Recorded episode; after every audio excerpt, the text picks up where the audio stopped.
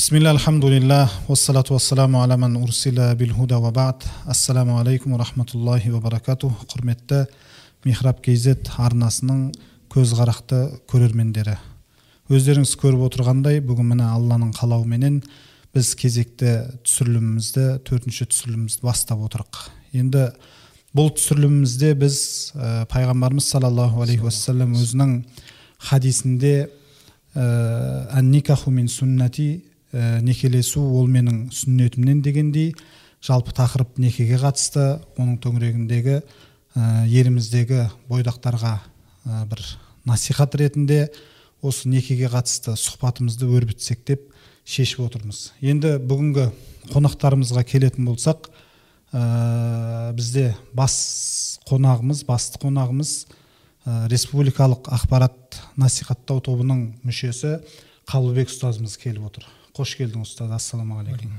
қош көрдік. Енді екінші қонағымыз ә, таугүл үш мешіті алматы қаласы. Әуезов ауданы таугүл үш мешітінің ә, ұстазы сыдық бауырымыз келіп отыр. Қош келдіңіз. Әке енді бүгінгі тақырып ә, белгілі ә, неке турасында. Жалпы енді бұл ә, подкаст ә, платформаны білесіздер. Бұл жерде біз өз өзімізді еркін ұстап еркін тақырып айтамыз. Оны жаңағы ә, посттарда инстаграмда жазған кезде қалжыңдап жақшаның ішіне шай үстіндегі әңгіме деп те атап кетіп жатырмыз бұл жобамызда.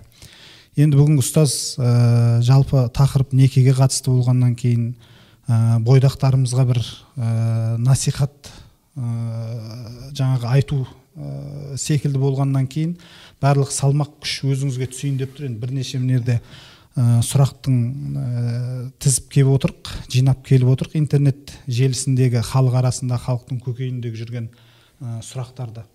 Енді осы ә, сұрақтардың осы мәселелердің төңірегінде ә, сұхбатымызды өрбітетін боламыз иншалла. Иншалла. Сол енді бұл ә, жалпы ә, некеден бұрын үйленудің бұл діндегі орны ә, хикметі осы жайында ә, айтып беріңізші бір жақсылап. Бисмиллахи рахмани рахим алхамдулиллахи роббил аламин уассалату вассаламу аля сайдина мұхаммад амма бад мына жанболат бауырым мынау істеріңізге алла тағала сәттілік берсін бұл михраб kz иншалла жақында ғана ашылса да бірақ ә, тыңдармандарыңыз күннен күнге көбейіп келе жатыр желіде оны көріп жүрміз ә, иншалла қайырлы болсын Әмин. алла берекет берсін мына елімізге мына жастарымызға әсіресе иншалла осы алла тағала жүректеріне сіңімді құдай қаласа нәтижелі болуын алла нәсіп етсін. Әмин енді неке ә, бабы деген бұл жалпы ислам шариғаты өзі төрт бөлімнен тұрады. Ә, ғибадат бабы бар. Ол ғибадат деген анау дәреттің суынан басталып қалай дәрет алу қалай намаз оқу ораза зекет қажылықпен ә, соны ғибадат бабы. Одан кейін муамалат деген бап бар. Ә, сауда саттық мәміле мәселесі. Үшінші бап осы үлкен тақырыптың бірі ол неке бабы. Ә, бабу никах. Ә, бұл енді әрине бір отырыста бір кеште айтып тамамдай салады деген тақырып емес. Иә иә. Әрине. Енді алланың көмегімен иншалла алла субханала тағаланың қалауымен ә, шама шарқымыз келгенше оны ә, дәріптеуге айтуға әрекет жасайық баршамыз атсалысып иншалла. Ә, жалпы неке ислам әлем ислам шариғатында алла субханала тағаланың ә, құрандағы бұл аяты әрбір жаратылысты жұп жұбымен жаратқанын айтқан. Біз бала кезімізде де соны көп көріп ес, ә, естігеніміз бар еді. Ә, ағаларымызға айтатын апаларымыз. Үйленбейсіңдер ма? Жалғыздық аллаға жарасады деп. Алла алла субханала тағаланың ғана жұбы жоқ серігі жоқ туылмаған туылмаған. Қалған жаратылыстың оның жұбы болу керек екен. Енді біздің мына жалпы аллаға шүкір тауба біз ә, алла субханала тағала бізді адам баласы қылып жаратты. Оның ішінде ә, сүйікті пайғамбарымыз мұхаммед алейхисаламды үмбеті қылып иман байлығын берді. Осы ислам діні адам баласының ақыл парасатына ә, ешқашан қарсы сөз айтпайды қарсы бір мәселені насихаттамайды. Дінді араластырмағанның өзінде ер азаматтарға да әйел кісілерге де жеке айтылса да мына өмірде мысалы ер адам азаматқа айтылса әйелсіз өмір сүре аласың ба? Жалғыз өзің міне жұмысыңды жасай бер. Осы жалған алланың берген өмірі қанша сүресің көресің бірақ ә, жалғыз боласың. Әйел кісілерге де жеке айтылса тұрмысқа шықпайсың. Ә, ешқандай еркек жаныңда болмасын. Атаулыға иә жақындамайсың иә. Бірақ оқы жаңағыдай жұмысыңды дамыт өзіңнің алға қойған мақсатыңа әрекет жасап талпына бер әрекет жасай бер. Дінді араластырмағанның өзінде екеуі де қарсы шығады. Жоқ олай болмайды. Жігіт айтады мен әйелсіз қалай өмір сүремін? Әйел айтады мен күйеусіз қалай өмір сүремін? Міне ислам діні сол адамды алла тағала жоқтан барып жаратқан алла біледі бізге не нәрсенің керек екенін Ә, ер адам әйелсіз өмір сүре алмайды. Әйел кісі де ер азаматсыз өмір сүре алмайды. Соны білген алла субханала тағала бізді жұптасуымызды айтады. Және пайғамбар хадисінде де осы ә, үйлену менің сүннетім. Фаман фаман кім менің сүннетімді жоққа шығаратын болса ол бізден емес дейді пайғамбар сол некелесудің енді жаңағы айтылғандай шариғаттағы сол үшінші бір бөлім ол неке бабы жеке бір бөлім бірнеше кітаптан тұратын. Иә. Иә ол жай том қарауға томдық болмайды иә. кітап жазып жатыр Әрине. өйткені бұл жалпы осы әлемнің халифасы ол адам баласы. Алла субханала тағала осы жер әлеміне патша қылып адамды жарататындығын айтты. Әуелде сол періштелерге. Сол халифаның енді адам баласы қияметке шейін өрбіп өсіп өну керек екен. Енді қандай жолмен өсіп өну керек олар? Иә. Оны алла субханала тағаланың шариғаты оны заңдастырып нақты дөп басып айтып берді. Тайға таңба басқандай қылып некемен болады. Ақ некемен ә, енді оның ә, тарихшы мамандардың да кітаптарында мен оқыған жерім бар еді. Жалпы әлемде көптеген ұлттар жоғалып кеткен екен. Не үшін десе ислам ғұламалары соның жауабын беріпті олар некесіз қауымдар еді дейді. Яғни бір ұлттың ә, ұзаққа қияметке шейін кетуі үшін ол некемен болу керек екен. Некесіз ұлттар ол ақырын ақырын жерден жоғала береді дейді. Яғни алла субханала тағала ондай некесіз қауымдардың ұрпақтарын өрбітпейді дейді. Некенің хикметі ғой. Некенің хикметі. Міне ақ некемен ә, және екінші хикметі бұл некеде кім кімнің баласы кім кімнің әкесі? Иә. Сол алла тағаланың шариғатын бізге айтып тұрғаны сол ақ некемен болсақ кім кімнің әкесі кім кімнің баласы? Ешқандай ә, қоғамда жаңағыдай бұл дау дамай тартыс ондай бір не болмайды екен. Және некемен туылған балалардың бойында сол тазалық болады екен. Қылмысқа жауыздық қатыгездік біреуді жек көрініш тағы басқа нәрсе ә, ол психологиясына шығады екен. әсер етеді десеңші қоя берсін әсер етеді екен. Қанның тазалығы дегеніміз де осыған жатады ғой негізінде. Әрине. қанның Қан тазалығы. деген. сол.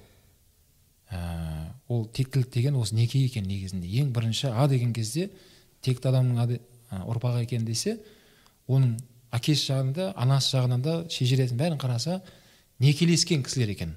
Сол некеден туылған балалар соны қазақта тектілік деп айтылып жатқаны сол екен. Сол үшін алла субханала тағала ә, адам баласын жоқтан барып жаратқан екен осы жерге халифа болып патшалыққа лайықты адам болу үшін сол неке деген ә, алланың рәсімін орындау керек екен. Және бұның хикметін ғұламалар айтады неке деген енді біздің көзімізге көрінбейтін нәрсе ғой. Яғни некенің төрт шарты бар. Ә, сол төрт шарттың ішінде бір шарты куәгерлер болу керек. Иә. Куәгерлер болу керек. Сол куәгерлердің алдында жігітке де жаңағыдай ә, ескертпелер айтып қыздың алдындағы міндеті қызды жігіттің алдындағы бір бірінің міндеттерін ескертіп отырып сөйтіп неке дұғасын оқып екеуіне ерлі зайыпты болыңдар деп жарияланады ғой. Осы неке осы орындалған рәсім екеуін ұстап тұрады дейді ғұламалар айтады егер некелеспестен енді былай қарасақ әрине былай ә, дін жағынан қарасақ керемет бір есімді бір адамдар бұлғап жатыр қазір. Азаматтық неке деген шықты қазір. Иә иә. Иә былай қарасаң азамат деген бір жақсы сөз бұл. Неке деген де керемет сөз. Бір қарағанда былай иә бірақ екі әдемі сөздің қосындысын қосып алды да азаматтық неке десе ол не нәрсе десеңіз қыз бен жігіт бір бірін ұнатады да екеуі бір пәтер жалдап тұра береді. Көреді. Көреді. Енді ол орталарында неке болмағандықтан бұлар кез келген уақытта былайша айтқан кезде бір бірін лақтырып кетуге дайын болып тұрады екен. Мен оған ешкім емеспін ол маған ешкім емес. Яғни кез келген уақытта бір біріне адал болмайды екен.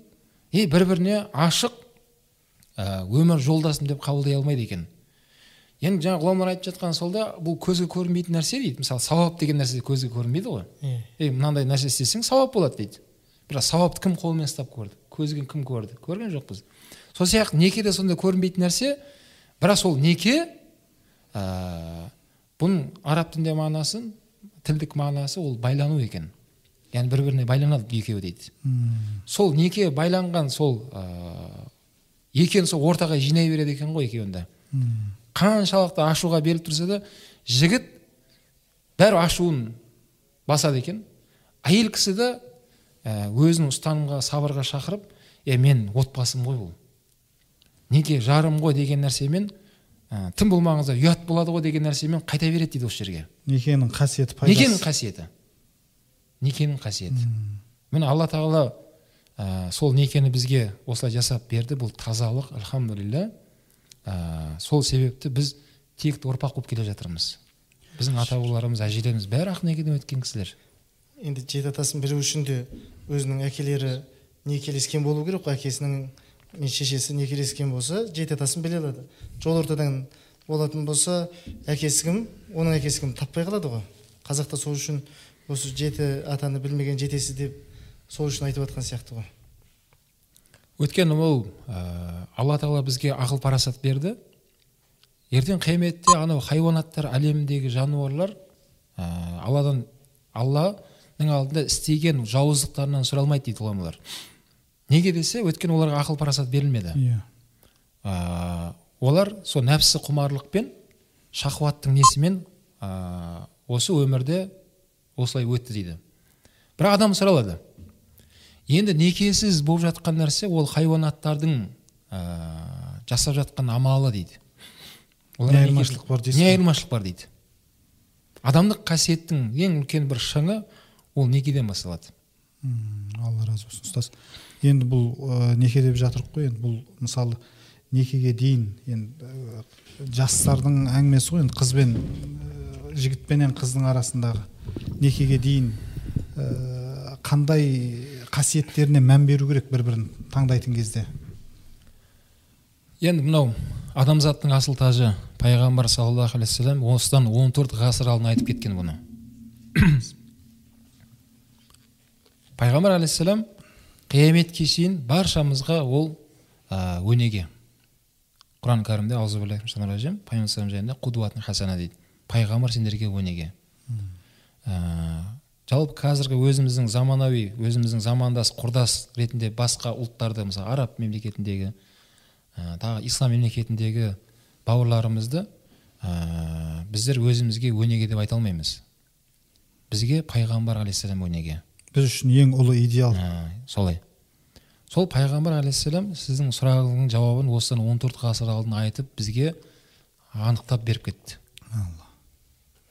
Бойдақ жігіттер қыз баланың төрт қасиетіне қызығып үйлене- үйленеді деп айтты расул иә. Бір жігіт бір қыздың ә, оның әдемілігі үшін қызығып үйленеді деді. Екінші біреуі ә, ол қыздың мансапты болғанына қызығып үйленеді деді. Үшінші біреуі сондай бір байдың қызы дейміз ғой. Соның қызы болғандықтан ә, соған үйленгісі келеді мысалға. Төртінші біреуі ә, оның имандылығына иман жүзді әдепті болғанына қызығып үйленеді деді. Бірақ пайғамбар айтты сіздер сол төртіншісін таңдаңыздар деді хадисте. Ол имандылық өйткені соның шарқында ғұламалар айтқан мынау әдемілік ол ертең жоғалады деген. Яғни ауадан басқасын бәрі өзгереді. Әдемілік мысалы алма пісіп тұрады дейді да сол жерде. Бірақ апорт алма әрдайым әдемі болып тұра бермейді ғой. Сол ақырындап сола бастайды. Соны теңейді қыз балаға. Сол апорт болып тұрған қыз бала ақырындап ол әдемілігі жоғалады. Яғни сұлулығына қызықса егер де. егер. Мансабына қызығып үйленген дейді ол бір күн банкрот болады дейді. Иә, бірде бар бірде Иә, жоқ. яғни өзінің бизнесі бар қыз еді. Ә, бірақ ол жерде рас алсам оған үйленбе деп жатқан сөз жоқ ол жерде. Иә. Яғни жігіттер осы төрт қыздың әйтеуір біреуіне қызығып үйленетіндігін айтты ол жерде. Бірақ енді мүмкіншілік болса сол төртіншісіне қызығыңдар дегені бұл имандылық ә, әдепті қыз ол ә, бойына бұл кетіп қалмайды екен. Жаңағы мансап кетті байлық кетті анау әкесін сеніп жүрген әкесі пенсияға шығып кетті. Ә, зейнетке шығып кетті мысалға да? Бұл оның тіреп тұрған нелерінің бәрі мансаптан кетті. Соның қызы еді ғой мынау. Бірақ уақытында соларға сеніп алған еді соның қызын. Сөйтіп оның сеніп тұрған әкесі не? Зейнетке шығып кетті мысалға. Ал жаңа имандылығын пайғамбар айтады ол қартаймайды ол зейнетке шықпайды. Ол қияметтің ақыретке шейін өзімен бірге болатын үлкен байлық қой. Иә. Енді міне қазіргі таңда да аллаға шүкір ә, осы хадисті барынша сол жастарымызға көп насихаттауымыз керек. Барынша. Өйткені қарапайым мысалға бір атпен айналысатын кісілер болса қарапайым мысал ретінде айтатын болсақ базардағы атты ала салмайды олар. Олар кәдімгідей шежіресіне қарап өздерінің құжаттары болады екен. Аттың линияларын аттың иә өздерінің шежіресі болады екен. Әкесі осындайдан келе жатқан шежіре шешесі осындай ә, тектаттар да арнайы қа- соның қанның тазалығын. қан тазалығын соны алады екен. Қоймен айналысатын гисар деген не оны қисар деп жатыр қазақша. Олар да сол. М, линиясына қарай. Иә кез келген жануармен айналысатындар оның несін іздейді екен жаңағы тазалығын. Шотландский мысық деген сол сияқты адамның ішінде де жаңағы ең инабаттылығын тектілігін рас алсам бізге оны айтып қойған екен жауабын. Бізге алыстан іздеудің қажеті жоқ ешкімнен ақыл сұраудың да қажеті жоқ. Имандылық. Міне имандылықпен өскен қыз бала құдай қаласа ә, ол екі өмірдің бақыты. Иншалла. Мынау құрандағы енді зинақор ә, ерге зинақор әйел деген аятты қалай түсінеміз ұстаз? Ә, қазақта тең теңімен тезек қабымен деп жатады мысалы әлде ол бір тағдырдың сәйкестігі ма? Ә, мысалы енді зина деген енді алла сақтасын. Бұл өте ықылас өте кір нәрсе алла сақтасын. Аллаға серік қосудан кейінгі тұратын үлкен күнә ол. Зінақорлық бұл аяттың жалпы асбаб нүзул деген мәселе бар. Әр аяттың өзінің түсу тарихы бар. Иә. Уәззәни деген аят айтып жатсыз зінақор әйел зінақор еркек. Пайғамбар алейхисаламның уақытында бір сахаба бір әйелге ғашық болып қалады. Бірақ ол әйел кісі ә, сол кезеңде сол зінамен атағы шыққан әйел кісі еді дейді. Кейін пайғамбар алейхисаламнан келіп жаңа сахабасы сұрайды ғой я расулалла пәленше деген осындай әйел кісіні үйленсем бола ма? Бірақ пайғамбар алейхисалам жауап бермеді. Өйткені расулаллахқа құраннан алладан уахи түспейінше пайғамбар алейхисалам өз жанына ешнәрсе айтқан емес. Сөйтіп пайғамбар алейхисалам осы аят түсті дейді. Тәпсірінде айтады? Иә. Осы аят түсті пайғамбарға. Яғни зінақор зінақорға үйленеді. Мушрик мушрикке үйленеді. Кейін пайғамбар осы аят түскеннен кейін барып ескертті. Оған үйленбеуге шақырды. Бірақ жаңа тәпсірінде ғұламалар сол жерде ескертіпті. Ә, енді жаңағыдай жаңылысып уақытысында бір сондай бір жастық сезіммен тағы басқаға ұрынып қалып кейін тәубасына келген қыз бала болса дейді. Тәубасына келген. М, онда оған қатысы жоқ бұлдың дейді. Иә. Яғни баяғыда сен зina жасағасын бұл өмір бойы енді оны. Бетіне баса беруге бетіне басып оны екінші санаттағы адам қатарына қосуға хақың жоқ дейді. Тауаба рахим мейірімді рахымды алла оның тәубасын қабыл етті ол тәубасына келді. Бұл жердегі әңгіме сол жоқ мен оны жалғастыра беремін деп жатқан зінақор әйелді үйленбеуді айтты дейді. Яғни өзін соны бір өзіне бір жаңағыдай бір не ретінде көрсе арсыздардың әңгімесі ғой. Қызмет қылып алған Иә. болса? Сол арсыздығымен жүре беремін мен. Мен ұстанған жолым осы десе онда аят бойынша оған үйленуге болмайды. Кім оған үйленсе ол да зina зинақор үйленетіндігін айтты дейді. Зинақорлар. Алла сақтасын. Сол үшін қазіргі таңда бұл нәрсе ә, жалпы өте ықтият болу керек әсіресе тілге.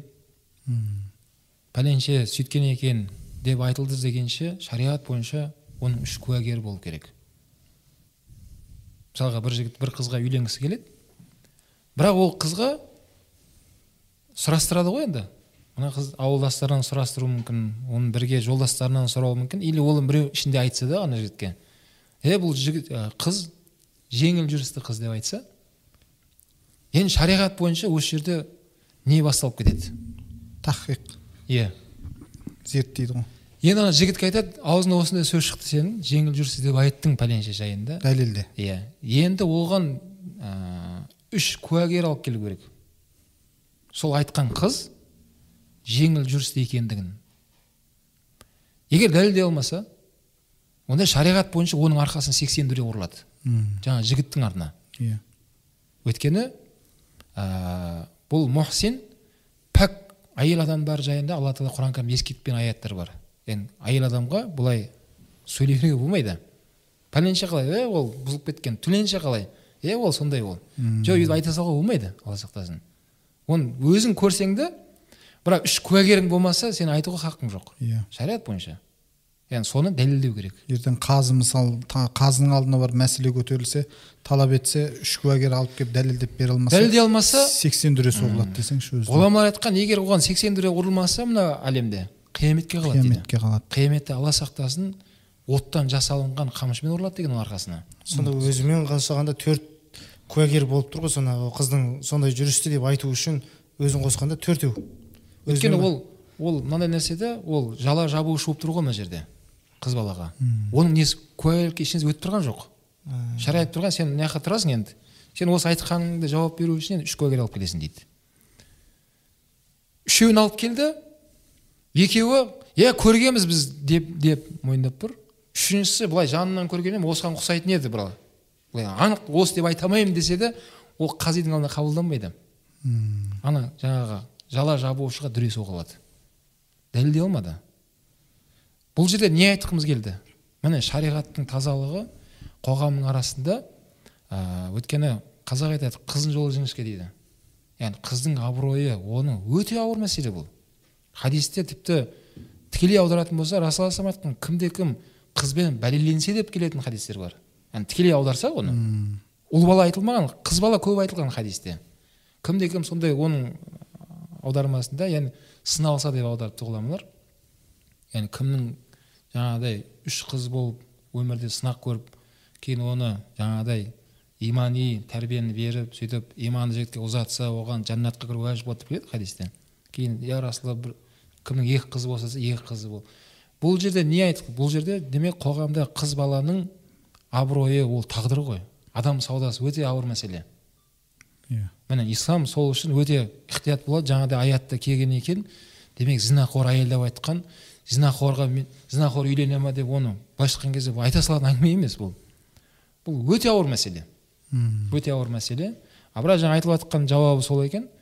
Ашық айқын өзінің ұстанымы сол. Мен сондаймын деп тұрған жаңағыдай арсыздыққа барып тұрған қыз бала болса алла сақтасын онда аят бойынша оған үйленуге болмайды мұсылман адам. Оған үйленетін адамдар зina ғана ә, зінақор жігіт қана баратындығын айтты. Мүшрик мүшрикке баратындығын айтқан да. Және ғұламалар айтқан екен мынау жаңағы әззанияту деп басталады. Бірінші алла тағала әйел кісіні айтты деп жүрер дейді. Зінақор әйел зінақор еркек ал ұрлыққа келген кезде уасариқ уасариқату дейді. Ұры еркек ұры әйел неге зінада бірінші әйел кісіні айтты ұрлықта неге бірінші еркек ер кісіні айтты дейді. Сөйтсе зінаның іске асуына ықпалы көбірек әйел кісілерден болатындығын айтқан тәпсірінде ғұламалар яғни көбінесе сол зінаның соның себепкер әйел кісі екен. Иә иә. Әйел кісі. Сол үшін шариғатымыз әйел кісіні ә, қарапайым болып әдемі хош иістерді сеппей көшеге шығуды қарапайым киінуді адамдардың көзіне түспеуге ә, шақыратындығы сол екен. Өйткені ол әйел адам өтіп бара жатқан еркекті өзіне қарататын солар екен. Соны алла тағала білген алла тағала аятта соны айтты дейді. Қазақта да сөз зінақор бар әйел ғой. деп. Ә, пұ- ана тана көзін сүзбесе бұқа жібін үзбейді деп қазақта сол. сол Иә. бірінші адамды ер кісіні тартатын әйел екендігін ал ұрлықта ер адамдар батылдыққа барады екен. Уассариқ уассариқату да.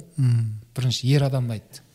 Құранда өзі негізі жалпы ұстаз тахир тақдимда хик- әрбір ә, аяттың сөздің бір ә, бір сөздің екінші бір сөзден ерте келуінде кеш келуінде хикмет бар ғой деймін да мысалы қазір иә, өзіңіз айтып отқандай. Міндетті түрде. Енді ұстаз қателеспейтін адам жоқ та мысалы ә, мешітте жүрген кезде де кейде сұрақпенен ә, кейбір жас жігіттер келіп жатады. Ә, мынау некелесер алдын ә, қыздың енді ә, жаңағыдай әрбір адам қателесуші ғой. Ә, пәктігінен айырылып қалады кейде кейбір қыздар. Ә, сөйтеді да оны үйленбей жатып некеге дейін ә, жігіт біледі да бірақ қыз тәубе қылған қыз тәубе қылған. Ә, сөйтіп оның бәрін өзі мойындап ә, себеп салдарын да айтады. Ә, енді осындай жағдайда қалай болады енді? Ә, мысалы ол маңызды нәрсе ма сол нәрсе ә, мысалы қыз тәубе қылып тұр да. Енді осындай дәл осындай бір кісілердің өмірлерінде болып жатқан жағдайды білемін мен. Дәл осындай мәселемен уақытта бір бауырымыз хабарласқан еді. Бірақ ол жігіт үйленбеген жігіт еді. Жігіт үйленбеген. Үйленбеген. Ал жаңағы үйленейін деп жатқан қызы жаңағыдай ә, енді алла біледі оны қандай жолмен пәктіге келіпті оны? Е себебін айтпаған ба? Иә себебін айтпаған. Солай ақылдасқан. Бірақ мен ол жігітке айтқан едім уақытысында бауырым сенен қара шайтан деген бар уасваса деген нәрсе бар. Сен болашақта оны бетіне баспайсың бетіне басып ә, жылатып сен сондай едің мен сені сондай неңнен алған едім де, деп бетіне басатын болсаң алма оны деген М, бұл дұрыс емес. Сен ол жерде ә, қара көзіміз ғой енді. Ол шынымен ә, саған дейінгі өміріне сен жауап бермейсің ол қыздың яғни сен алған күннен бастап сен жауап бересің. Сен алла үшін де бір қара көз қазақ өзіміздің қарындасымыз ғой енді. Ә, деп бір жақсылықпен ниет қылып алсаң болады деп айтқан болатын. М, истихара оқып деп көп осындай ойланып жүрді бірақ ә, ол алды. Некесіне алды. Қазір бірнеше бала шағалы болды.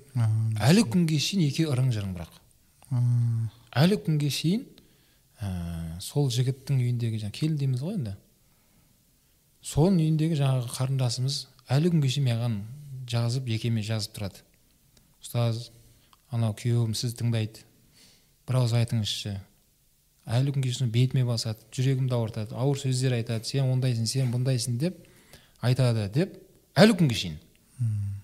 Егер осындай болатын болса ондай жігіттер ондайға бармау керек. Егер білместен қыз оны жасырып сондай болса ол жігіттің хаққысы оның алдында екі жол болады шариғат бойынша. Қаласа онымен айырылысады. Иә. Қаласа онда онымен некесін қалдырып жалғастыра беруге мүмкіншілік бар. Бірақ бұл жерде ол жігіт білді ғой оны. Ол қызға айтқан оған. Міне ал осындай тұрмыста болған бір жағдайлармен осындай деп айтқан екен. Әрине ол сол үшін ә, елдің бәрі әулие емес қой жәке иә иә. Ә, ол алла разылығы үшін деп алып алып алла разылығы үшін деп ертең жылатып қуып жіберген ол. Қандай алла разылығы үшін? Не сөз ол? Кейде айтамын мен алла разылығы үшін деген сөзді түсініп алайықшы бауырлар деймін. Яғни алла разылығы үшін деп алып алла разылығы үшін деп талағын беріп қуып жіберуге болмайды ғой. Алла разылығы үшін деген не нәрсе ол деймін да? Сол үшін ә, ол әрине ол пәктік деген ол ә, адам өзі сол таза күйінде қыз бала пәктігін мен өзін болашақта өзін жігітін күтеді әрине. Бірақ ол әртүрлі жағдай болады екен жеке. Ол фиқ кітаптарда келеді.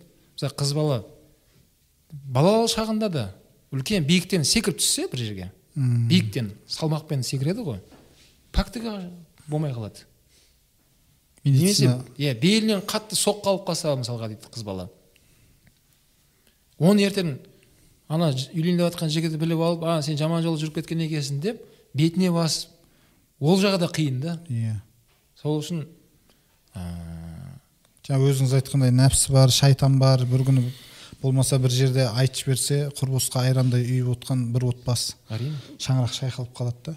Ә, енді бұл жар тау- жар таңдау мә- мәселесіне қатысты ә, қозғап жатырмық қой әңгімені. Жалпы бұл енді ә, жаңағы өзге ұлтқа тұрмысқа шығу деген нәрсе бар және өзге ә, дінге ә, тұрмысқа шығу деген нәрсе бар. Ә, қазір әсіресе ә, көп белең алып бара жатыр. Мысалы қаракөз қа, ә, қазақ қарындастарымыз. Мысалы енді өзге ұлтты енді мұсылманы бар оның басқа ә, дінді ұстанатыны бар. Ә, сол бас бұл қысқаша айтқанда ұстаз өзге дінге мұсылманнан бөлек өзге дінге қыз баласына мұсылманның қыз баласына тұрмысқа шығу мәселесі қалай болады осы? Жоқ өзге дін деп жатқан исламнан бөлек исламнан бөлек дін. Иә. жалпы ә, мұсылман жігіт мұсылман жігіт мынандай үш діндегі бір қызға үйлене алады. Мұсылманның қызы немесе христианның қызы немесе яхудидің қызы. Өйткені бұларға да кітап түскен ахл китап болып есептелінеді. Ал қыз балаға бір ақ жол. Ол тек қана мұсылман жігітке ғана тұрмысқа шығу керек. Қыз бала. Ал мұсылман еместен басқамен неке қиылмайды. Оны қай жерге апармасын? Тіпті меккеге апарып та кағбаның алдында некесін қиса неке қиылмайды деген. Өйткені ол жары не емес мұсылман емес. Ал некенің төрт шарты бар. Дұрыс ең бірінші шарт мұсылман болу керек жігіт. Мұсылман болу керек. Ал ол өздерінің сол басқа діннің рәсімімен неке қиылды деп олар есептеуі мүмкін. Бірақ оның бәрі зина болып есептелінеді алла сақтасын. Алла сақтасын. Ал оны халалға шығарса ол кәпір болады деген. Діннен шығып жоқ бұлардікі дін ғой бұлардікі енді тек қана исламды сендер мақтай бермесіңдерші бұлар да өздерін дін болып ұстанып келе жатыр ғой. Бұлардікін де дұрыс деп есептеймін деп оны халалға шығарса ол адам кәпір болады деген. Алла сақтасын. Алланың алдында қабыл болатын инна дин ислам дейді алла тағала. Шынайы қабыл болатын тек қана ислам діні деді. Иә сонымен ә, ұстаз қазір күнімізде сондай бір бағдарламалар ашылған. Өзіңіз де байқап жүрген шығарсыз ұстаз. Ол жерде ә, әкесі шешесі рұқсат берілген берілмеген белгісіз жігіттер қыздар келіп бірін бірі сол жерде кездестіреді. Не бағдарлама? Ә, мысалы қазір аты шулы қалаулым болып кетті ғой өзі. Иә иә. Осы жар таңдау баяғы мәселесін дом дваның көшірмесі ғой ұстаз ана орыстарда дом два деген болушы еді ғой. Тура соның ә, қазақша варианты ғой былайша айтқан платформа тура солардікіндей. Енді қиын алла сақтасын анау. Көрсеңіз қазір соңғы кезде мынау инстаграмдағы өзінің ә, тіркелетін адамдар подписчиктерінің санын арттыру үшін соңғы кездері орамалдағы қыздар намаз оқитын жігіттер де барып жүр сол жерге да. Енді ана жерде бір бірімен ұрысады қырылысады былапыт сөздер. Енді бір қазаққа бере бір пайда беретін бағдарлама бағдарлама емес былайша айтқан кезде. Қазақты бұзбаса қазақтың жастарын жасөспірімді бұзбаса жасөспірімге бір тәрбие беретін бағдарлама емес та. Сол жерге барып жар таңдау мәселесі қалай болады мысалы?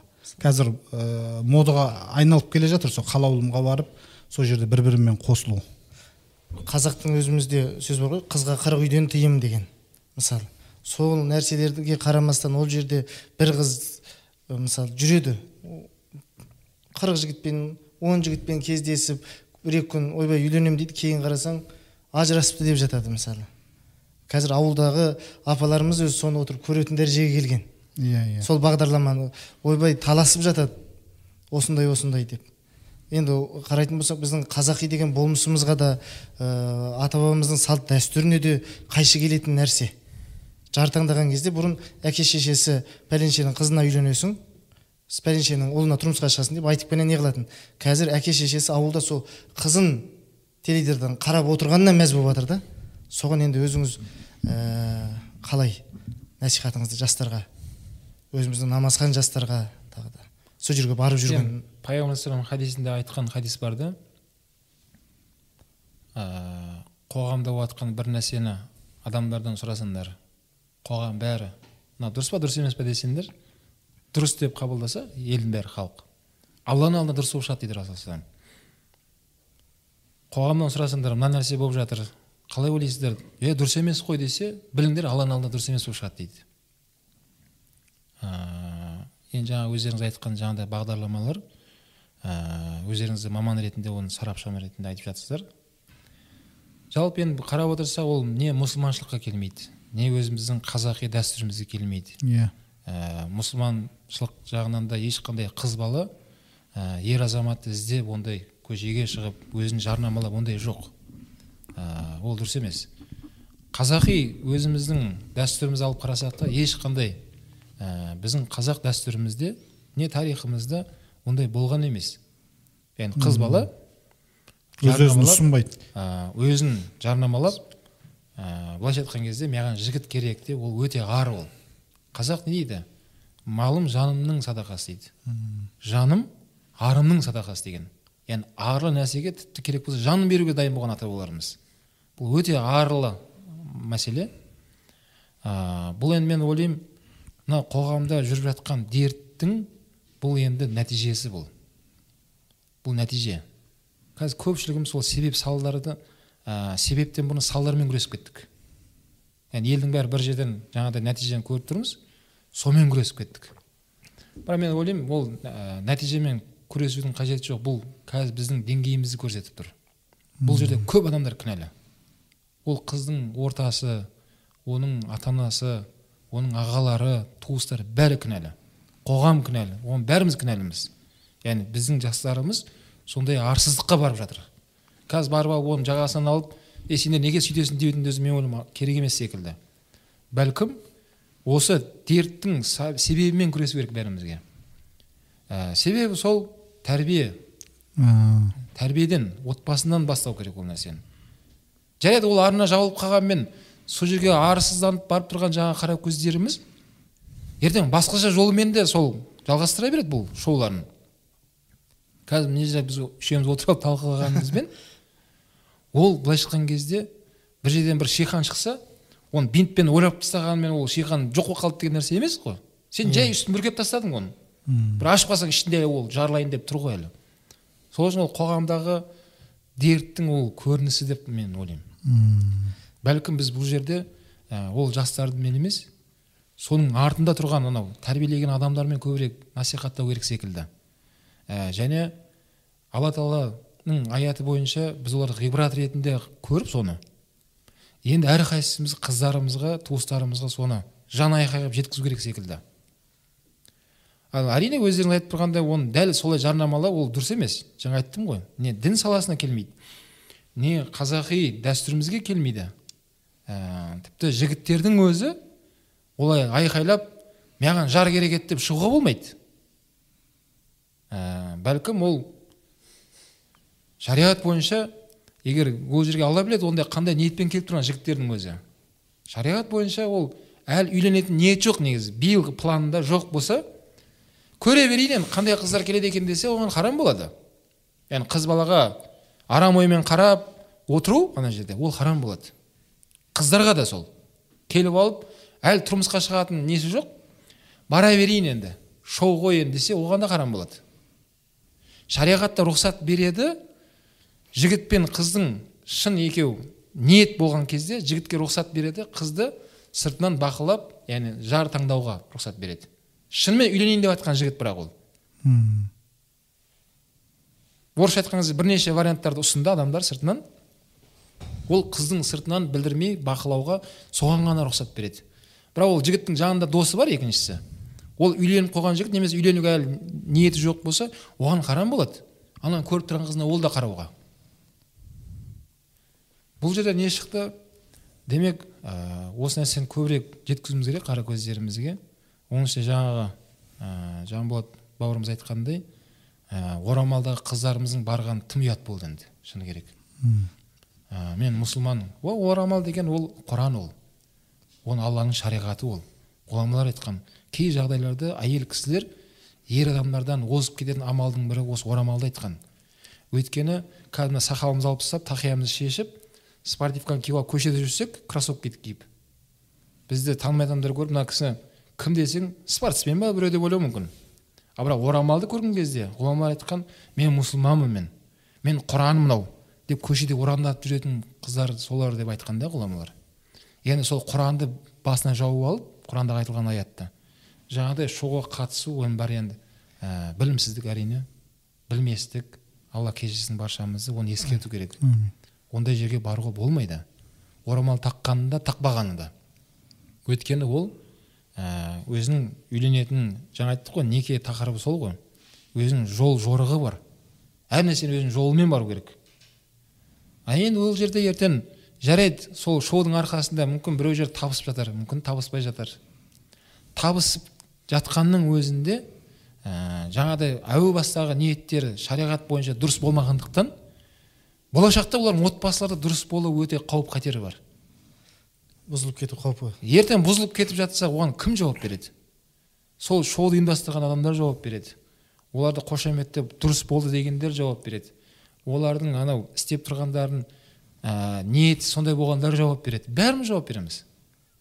Сол үшін ә, жаңа айттық қой бұл адам саудасы өте қиын мәселе. Ол көлік емес ұнамады деп қайтадан сатып жіберіп басқасын қарай беретін. Ол мал емес. Бордақылап сойып жеп алатын тағы басқасын ала саламын ғой деп. Адам ғой ол. Қыз баланың жолы өте ауыр. Атсаң ата алмайсың сатсаң сата алмайсың дейтін. Әрине. Сол үшін қыздарымызға соны жеткізіп жүрейік. Ондай жерге баруға болмайды. Ә, ондай жерді қолдауға болмайды. Ұстаз мынау ә, некенің жасы мысалы неке белгілі бір жастан бастала ма? Қай жастан неке қиған абзал. Әлде бұл бір елдің салтына дәстүріне жергілікті тұрып жатқан жеріне қарай ма? Енді пайғамбар қыз балаға келетін болсақ хадис бар. Үш нәрсеге асығыңдар дейді. Ә, намаздың уақыты кірсе уақытында оқып тастауға асығыңдар дейді. М, екіншісі қыз бала бой жетсе тұрмысқа беруге асығыңдар. Үшіншісі адам қайтыс болса мәйітті жерлеуге асығыңдар дейді. Бұл хадис. Енді осы хадисті кейде біз айтамыз кейде оны мән береміз кейде ескермейміз қоғамда. А бірақ кейбір ұлттарды білемін мен атын айтпай ақ қояйын қандай ұлт екенін. Сол ұлтта қыздарын мектепті бітіре салысымен тұрмысқа береді. Бітіре салысымен. Бірақ сол мектепті аяқтағанға шейін мен байқағаным сол ұлттар жаңа айтып жатқан ұлт олар қыздарын тұрмысқа дайындайды екен. Яғни есін білгеннен бастап анасы жаңа қыздың оны болашақта ана болуға тәрбиелейді. М, сөйтіп мектепті қалай аяқтайды? Біздің елдегі бойынша он бірінші сыныпты аяқтайды осы елімізде болып жатқан мәселе. Тұрмысқа береді. Бірақ мен ойлаушы едім уақытысында е мыналарға обал емес па кішкентай жап жас бала ғой мынау. Көрмеді ғой деп ойлаймыз ғой. бұл. Қалай болды бұл? Деп ойлаушы едім. Кейін жаңағыдай ә, діни кітаптарды қарап шариғаттың несін былай зерделеп келіп қарап отырсақ сол ұлт дұрыс жасап жатыр екен қарасам. Өйткені жалпы мынау ә, өмірде осы ә, фәни жалғанда әр нәрсенің өзінің атқаратын миссиясы бар екен. Мысалы мынау ненің? Қазақша қалай микрофон. Микрофон дейміз ғой енді. микрофон. Қазақшасы микрофон екен ғой. Үн таспа ма қалай? Осында өз миссиясы бар. Иә? Қолымдағы мынау ыдыстың да өзінің миссиясы бар. Яғни әр миссия деген әр нәрсенің өзінің атқаратын міндеті бар. Сол сияқты қыз баланың да міндеті бар ер азаматтың да міндеті бар. Яғни алла тағала айтады ғой мына өмірге жай келдім деп ойлап қалмаңдар дейді ғой. Ә, еш нәрсе кездейсоқ Иә, болған жоқ. Кездейсоқ жесе болған жоқ. Ал сол құранда аят бойынша қараса қыз баланың миссиясы ол ана болу екен. Яғни өмірге ұрпақ әкелетін бір ақ вариант бар. Ол қыз ана арқылы ғана өмірге адам келеді. Қалған нәрсенің бірнеше жолдары болады екен да. Мысалы мынаны шығарып жатқан шығаратын сол жаңағы фабрика ма бірдеңе. Ол жабылып қалса оның тағы басқаша вариант болады екен. Мынаны шығара беруге басқаша қылып. Бірақ тек қана адамда бір ақ вариант екен. Ол ананың құрсағымен ғана өмірге келеді. Егер тағы басқа варианттар болғанда адамдар қазір оны штамповать етіп көптеген адамдар шығарып тастайын деді. Басқа вариант жоқ. Тек қана ананың алтын құрсағымен ғана адам баласы өмірге келеді. Ал сол әйел қыз баланың өмірге келудегі ең негізгі миссиясы ол ана болу екен. Ұрпақты өмірге алып келу. Ұрпақты. Ә, енді қыз бала жаңа айтылғандай ә, қанша жас пайғамбар айтты қыз бала бой жетсе тұрмысқа беруге асығыңдар. Ал жаңа қыздарымыз үлкен оқу орындарын бітіріп одан ары қарай карьера дейміз ғой. Өзінің сол мансабын дамытып шетел қуып тағы тәжірибемді арттырып алайын деп жүрген біз жастар отызға таяп қалады. Отызға таяп қалған қыз баланың құрсақ көтеруі де қиын болады дейді. Ма- мамандардың айтуынша дәрігерлердің. Өйткені сондай алла тағаланың жаратқан жаратылыс қой бәрі. Әр нәрсе өз кезеңінде өзінің уақытында істемесе мына денсаулық тозады екен. Көп қыздардың ә, тұрмысқа шығып бедеу болып жатқан бірде бір себебі ерте уақытысында тұрмысқа шықпағандықтан екен. Кеш қалып қалады расул алейхи айтқан сөзін ескермей жатырмыз. Біз өзіміздікін тықпыштадық та. Иә. Яғни өзіміз айтқанымызды ойлаймыз көбінесе. Жоқ мен қызым әлі жас. Өз бетімізше кетіп қалып жатыр. Иә өзінің таңдаған мамандығы бар. Соны бітіріп алсын. Одан кейін ары қарай тағы екі үш жыл тәжірибесін нетіп алсын. Кейін ары қарай ә, не? Үйленуге асықпа Иә. бәрі болады ал бірақ қарасақ бұл жерде кім ұтылды кім ұтты? Ұтылып жатқан біздің қыздарымыз екен. Өйткені қыз баланың миссиясы бұл өмірде ақша табу емес дүние табу емес. Иә. Алла субханала тағала мына дүние нығметінің ризықты ер адамдарға беріп қойған екен. Яғни ер адамдар айтады жұмысқа жай барып келе берсе болды оған келе береді екен ризық жан жақтан. Сәл әрекет қылса болды. сәл әрекет қылса болды. Әйел адамның міндеті емес екен да ол. Иә. Жаңағыдай қанша жүйкесін тоздырып қоғаммен арпалысып сөйтіп жүрген кезде жастар өтіп жатыр.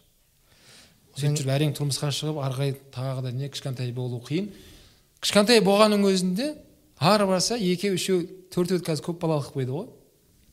Ал әжелеріміздің ең аз он бала он құрсақ көтеретін еді уақытысында. Бұның бәрі қазір демографияның өспеуіне осы басынан себеп болды осының бәрі. Жаңа әдемі сұрақ қойдыңыз. Демек қай жастан басталу керек деп тұрсыз ғой? Иә. Міне қай жас деп жатқаны балиғат жас бар кәмелет жас бар бізде. Шариғат бойынша қыз бала балиғатқа тоғыз жаста толады негізінде. Яғни оған жетіліп. жетіледі екен. Тоғыз жастан бастап алланың шариғатын орындау керек. Бірақ енді ол біздің мына жердегі жергілікті мынау ә, ауа райымыз бәрі ықпал жасап біздің елімізде енді кәмелет жасы он сегіз жас болып тұр ғой енді. Ыстық жерлерде ғой ерте ыстық жерлерде ерте жетіледі екен. Африкада. Әрине ал біздің елдегі кәмелет жасы он сегізге таяп жатыр қыз балаларымыз. Бұл деген сөз демек барынша қыз балалар сол біздің елде кәмелет жасқа толды ма он сегіз жас дейміз ғой? Жиырмаға шейін тұрмысқа шығып кету керек қой қыздарымыз. Иә. Және соны жұбайларымызға жақсылап соны түсіндіруіміз керек. Соған дейін қызды дайындау керек та тәрбиелеп. Мысалы мен өзім жұбайыма айтып отырамын ә, мына қыздарым саған аманат деймін. Сен қыздарыңды болашақ анаға қазірден бастап тәрбиеле оларды деймін мен қызыма айтпаймын ғой. Былай істе былай істе. Сенің міндетің ол деймін. Өйткені мынандай бір нәрсе бар қоғамда. Ешкімнен қалып кетпесін. Өз қатарынан қалып қоймасын. Иә. Ә, қалып қоймасын. Жоқ ең маңызды нәрсе қалып қойып жатқан болса ананың бәрі адырам қалсын. Ол ешкім ешнәрсені қалып қоймайды. Бірақ ол қыз бала өзінің болашақтағы ана болатын өмірге дайындықсыз барса онда көп нәрсені қалып қояды. Ертең тұрмысқа шығады. Оны әкесіне қарап біреу ағасына қарап қызық алады біреудің оның қызын. Бірақ қайдан білсін ол қыз ол нәрсені көрмегенін. Ана біреудің ерке баласы мына біреудің ерке қызы? Сонымен екеуінің отбасы болуы қиын болып ұрыс жанжалмен алла сақтасын. Көптеген жағдайлар болып жатыр. Иә иә. Бұл деген сөз қыз дайындықсыз бара салды. Яғни дайындықсыз бара салғанның бәрі шала болады ғой. Сөйтеді да ана отбасы оны дұрыс қабылдамайды өзіне. Е мына көргенсіз екен ғой дейді. Оған кім кінәлі? Оған ата анасы кінәлі. Оның ішінде анасы кінәлі. Мына одан кейін күнімізде қазір қоғамда сұр бойдақ еркек деп бұрын еркектерді жігіттерді көп айтатын еді ғой сұр бойдақ болып қалды үйленбей қалды отыздан асып кетті деп. Қазір ә, қарайтын болсақ сұр бойдақ ертек, ерке ә, жігіттермен қатар сұр бойдақ тұрмысқа шықпаған отыздан асқан отызға таяған қыздарымыз да көп та. Кейбіреумен сөйлесесің сен не үшін тұрмысқа шықпай жүрсің? Жігіттер көп қой жақсы жігіттер. Десең жігіттердің әңгімесін айтады. Отырып қалған қыздар отырып қалған қыз иә. Отырып қалған қыздар. отызға таяп қалған жиырма бестен асқан. Жігіттер ұнамайды дейді. Сөз көп сөйлейді әрекет іс жоқ дейді. Ол бір жұмыс бітіре алмайды деп анандай таңдауға түседі екен да олар уайым қайғысы басқа нәрсе Иә. болып кеткен ғой. Таңдау сондай бір торым жігіттер барған да оған. Молодец ақиқатты айтты сол қарындасымыз алла разы болсын. Демек оған барған жігіттер сәке сондай жігіттер барған ғой. Оған жігіттер де ұсақталмау керек та иә. Өйткені жігіт деген ол машина көрген сияқты көріп кете беруге болмайды ғой қызды. Ана қыздың жан айқай ренішін де біз сын ретінде қабылдауымыз керек.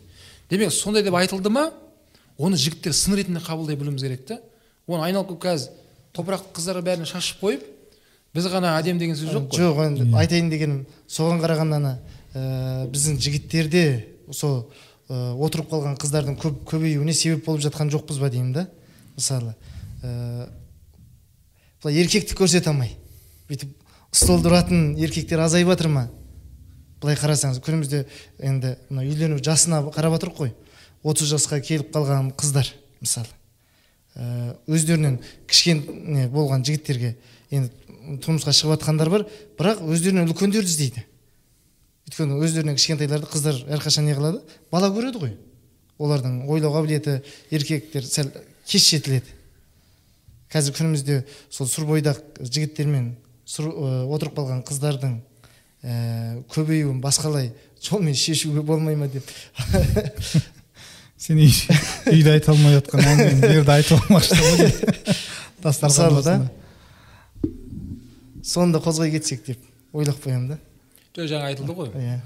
Жарайды ер азаматқа келетін болсақ сүннет бойынша расул жиырма бес жасында үйленді. Иә.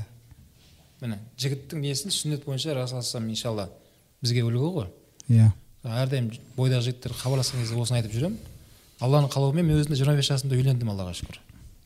Яғни жиырма беске шейін оқуыңды да бітіруге болады шаруаңды да реттеп алуға болады иншалла да? Иә. жиырма бес жас өте бір берекелді сондай бір жақсы жас екен.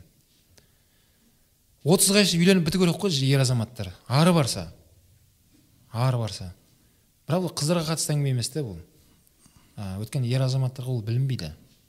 Отызға барғанның өзі жаңағыдай не ә, қатты білінбейді. Бірақ қыз балаға ол қатты білінеді. Ұстазымыз жаңа қыз балдарды айтып отыр ғой жиырма жас деп. Мешітте ұстаз мысалы мешітте қызмет қылып жүр қоғамға қатты етене араласып жүр қаншама кісілер келеді сол көрген тәжірибесінен айтып жатқаны ғой әрі жиырма жаста қыз балаларға да сұраныс көп болады. Жаңағы отыз жаспен сұраныс болғанда. Мысалы жиырма жастағы қызға сұраныс көп. Оған көп адамдар сұрайды. Иә. Және ол жиырма жастағы алдым деп жігіт марқайып мақтанып айтып жүреді. Жиырма жасар қызға үйлендім деп та ол жақсы екен да? Яғни қыздарымыздың көп кетуінің сұраныс болып тұрған жерге қыздарымыз дайын болып бару керек жиырмаға дейін. Қой жас деген сөзді қою керек қой. Жарайды жас деп жүргеніңізбен отырып қалып жатыр жаңа айтқандай қартайып қалады. Енді қалай болады ары қарай? Жаңа айтып жатсыз жарайды отыз жастағы қыздар өте сирек шығар ол отыз жастағы қызды іздеген жігіттерді мен естімеппін. Ұстаз үйленейін деген едім отыз жастағы шәкіртіңіз бар ма деген сұрақ қойылған жоқ әлі. Ондай сұрақ болмайтын да шығар. Жігіттердің сұранысы отыз жастағы қыз емес қой. Жиырма жиырма беске дейін ғой. Жиырма жасар жас емес негізі ұстаз жиырма жасар. Мысалы мектеп қабырғасынан шықпай жатқан жаңағы қыздардың кейбір интернетте әрекеттерін көріп қорқып кетесіз ғой мысалы да сол үшін жиырма жас әдемі ғой өзіңіз жоқ оны мынау қарасаңыз жиырма жастағы қыз бен жиырма жастағы жігіт екеуін қарасаңыз дейді ғұламалар ә, екеуі жасты емес дейді. Анау жиырма жастағы қыз жиырма жасар жігіттің алдында жиырма үш жастағы қыз болып тұрады дейді. Сана сезімі оның ой өрісі өйткені аралары үш жас қой қыз бала бірінші жетілетіні сол екен. Қыз бала тоғыз жаста ұл бала он екі жаста балиғатқа толады ғой. Көрдіңіз ба? Осында ескеру керек дейді. Мысалға біреу жиырма жастағы жігіт жиырма жастағы қызға үйленсе білсін ол өзіне үш жас қызға а, жас үлкен қызға үйленді есептесін дейді. Е үйтпейсің ба сөйтпейсің ба сенікі дұрыс емес қой деп жүрген сол негізінде. Былай зерттеп қарасаң қыз дұрыс нәрсені айтып жатыр. Иә. Ана жігіт намыстан жаңа айтқанда стол ұруы мүмкін да сен сөйлей бермесейші деп. Бірақ әділдігін қарасаң қыздікі дұрыс болып шығады неге? Өйткені анаған қарағанда үш жас үлкен ғой ол. Ана көп нәрсені ойлап қояды да көп нәрсені алдын ала біліп отырады. Былай істесек дұрыс шығар былай істесең тиімді ғой деген сияқты. Сол үшін жаңа айтылғандай қыздарымыз соған ә, тәрбиеге мән беру керек. Ә, ел боламын десең бесігің түзе дейді ғой. Иә. Сол үшін уақытша өмірде әр нәрсе өзінің миссиясымен айналысуға дайындау керек. Қыз бала ма оның миссиясы ана болу болды. Мына ертең олар содан сұралады. Қазақта мақал бар ғой. Ә, ұл баланы тәрбиелесең жердің иесін тәрбиелеген боласың қыз баласын жақсылап тәрбиелесең елдің иесін тәрбиелеген боласың дейді ғой. Ә, осы мақалға да қарасақ қыздың қыз баламызды қыз балаларымыздың мысалы қыздарымыздың атқаратын ә, жұмысы ел болам болу үшін де ең бірінші сол қыздарымыздың тәрбиесіне мән беруіміз керек екендігін өйткені қарайтын болсақ үйде өзіміз 24 сағаттың екі сағатында ғана боламыз ғой. Қалған уақытында сыртта жүреміз. Өйткені кешкісін сағат сегізде келесің онда ұйықтап қаласың. Таңертең ерте шығып кетесің. Кейде балаң ұйықтап жатады болмаса кейде көріп қаласың. Екі ақ сағаты баланың қасында қалған уақытта сыртта жүресің. Ал шешесі болатын болса 24 сағаты сол баланың қасында ғой. Иә. Мына қоғамның да бет әлпетін өзгертетін де сол ана болып тұр ғой қазір сол. Былай қарайтын болсақ. Сол үшін мен анау жүрген жерде айт, айтып жүремін да негізі ұстаз мынандай ә, әйел кісінің негізгі атқаратын өз екі міндеті бар деймін да бұл ә, әлемде. Біріншісі үй шаруашылық екіншісі бала тәрбиесі деймін да. Негізі олардың мамандығы сол ғой деймін да кәсібі мамандығы өмірлік ә, мамандығы сол ғой. Сол нәрсеге аналар мысалы қыздарын бейімдесе де өзіңіз айтқандай. Алла 2000 разы болсын. 2005-те мысырға аттандық әлиасқарға кейін 2007-те елге каникулға келген кезде алланың қалауымен әке шешем себебімен үйлендіріп жіберді ғой мені. Негізі ә, былай әлі оқуға неміз үйленуге қатты неміз болмаған еді. Бірақ үйленіп кеттік алланың қалауымен.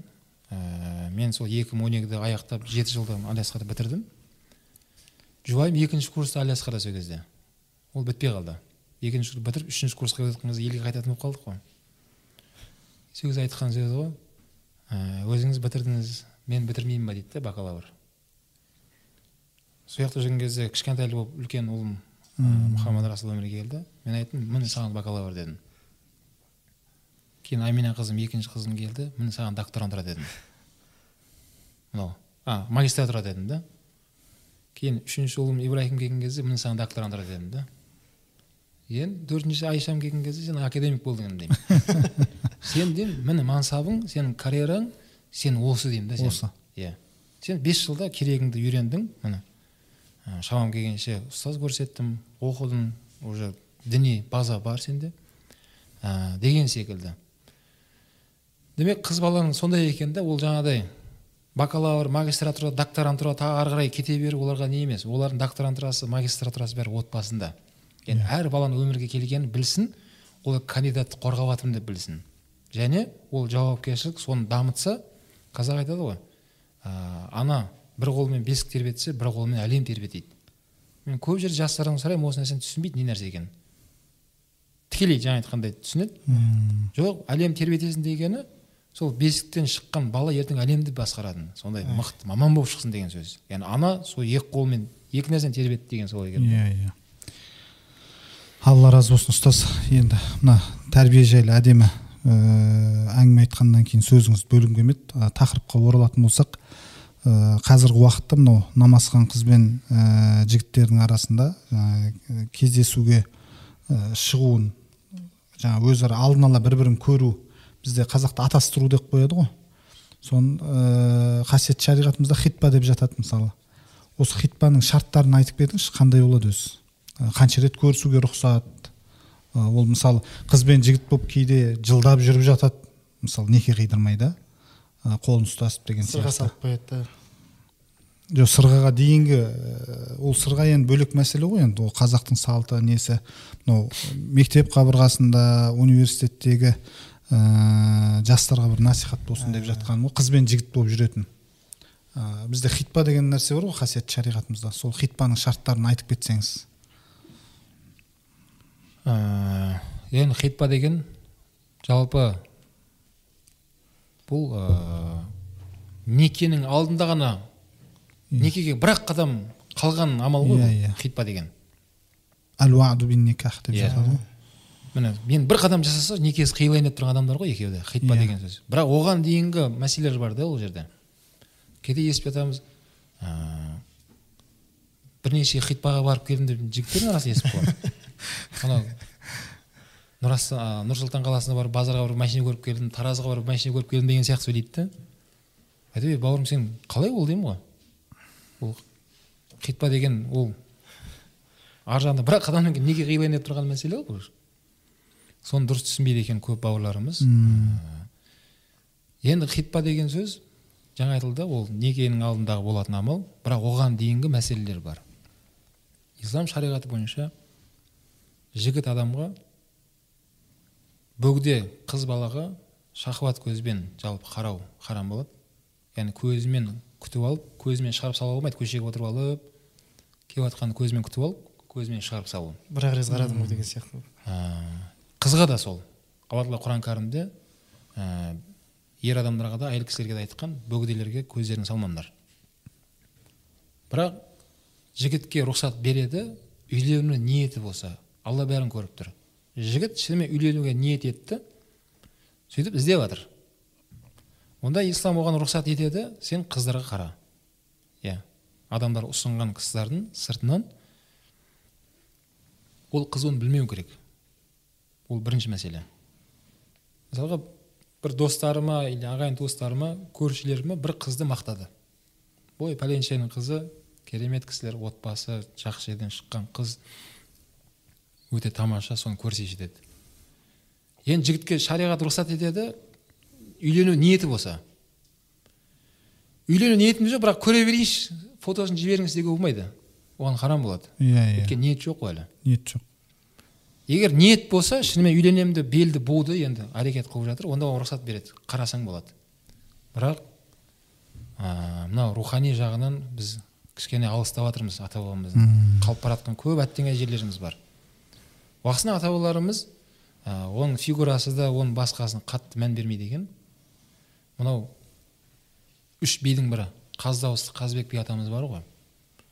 Сол кісінің әкесі үйленген кезде жары ә, ауылға алып келген ғой келін қылып өздерінің ауылына. Сол жерде достары сол жердегі тағы ағайын туыстарының ішінде бір ә, кісілердің ішінде әңгіме айтқан екен. Е сен сияқты сондай бір текті жігіт сондай бір ұрпақтың баласы сен сұрасаң кез келген адам қызын береді ғой. Дұрыстау қызға үйленбедің ба деген сөздер айтылып қалған екен. Ал оның алып келген қызы бір көзі кішкене қыли болған екен бір аяғы ақсақ болған екен. Сол кезде қазыбек бидің атамыздың аталары ағалары сөзде жауап берген екен ей сендер не, не айтып тұрсыңдар? деген ғой. Сендер бұл қыздың несіне қарамаңдар? дегенде сендер білесіңдер кімнің қызы бұл? деген. Сөйтсе жаңағы қыздың мынау шежіресінде жеті аталары би болған екен. М, мынау соның ұрпағы ғой. Сөз ана қыз да мақтанып айтады екен да құдай қаласа мен де биді өмірге алып келемін деп қазыбек би алып келген сол кісі екен. Ата бабаларымыз қай нәрсеге мән берді? Жаңа фигурасына басқасына емес. Шежіресін тегіне қатты мән берген. Кімнің қызы бұл? Тәрбиесіне. Ұрпағы бұл? Иә? Енді жаңа сыртынан қарады ұнады. Жаңа қайтадан тақырыбымызға оралсақ жігітке ұнады.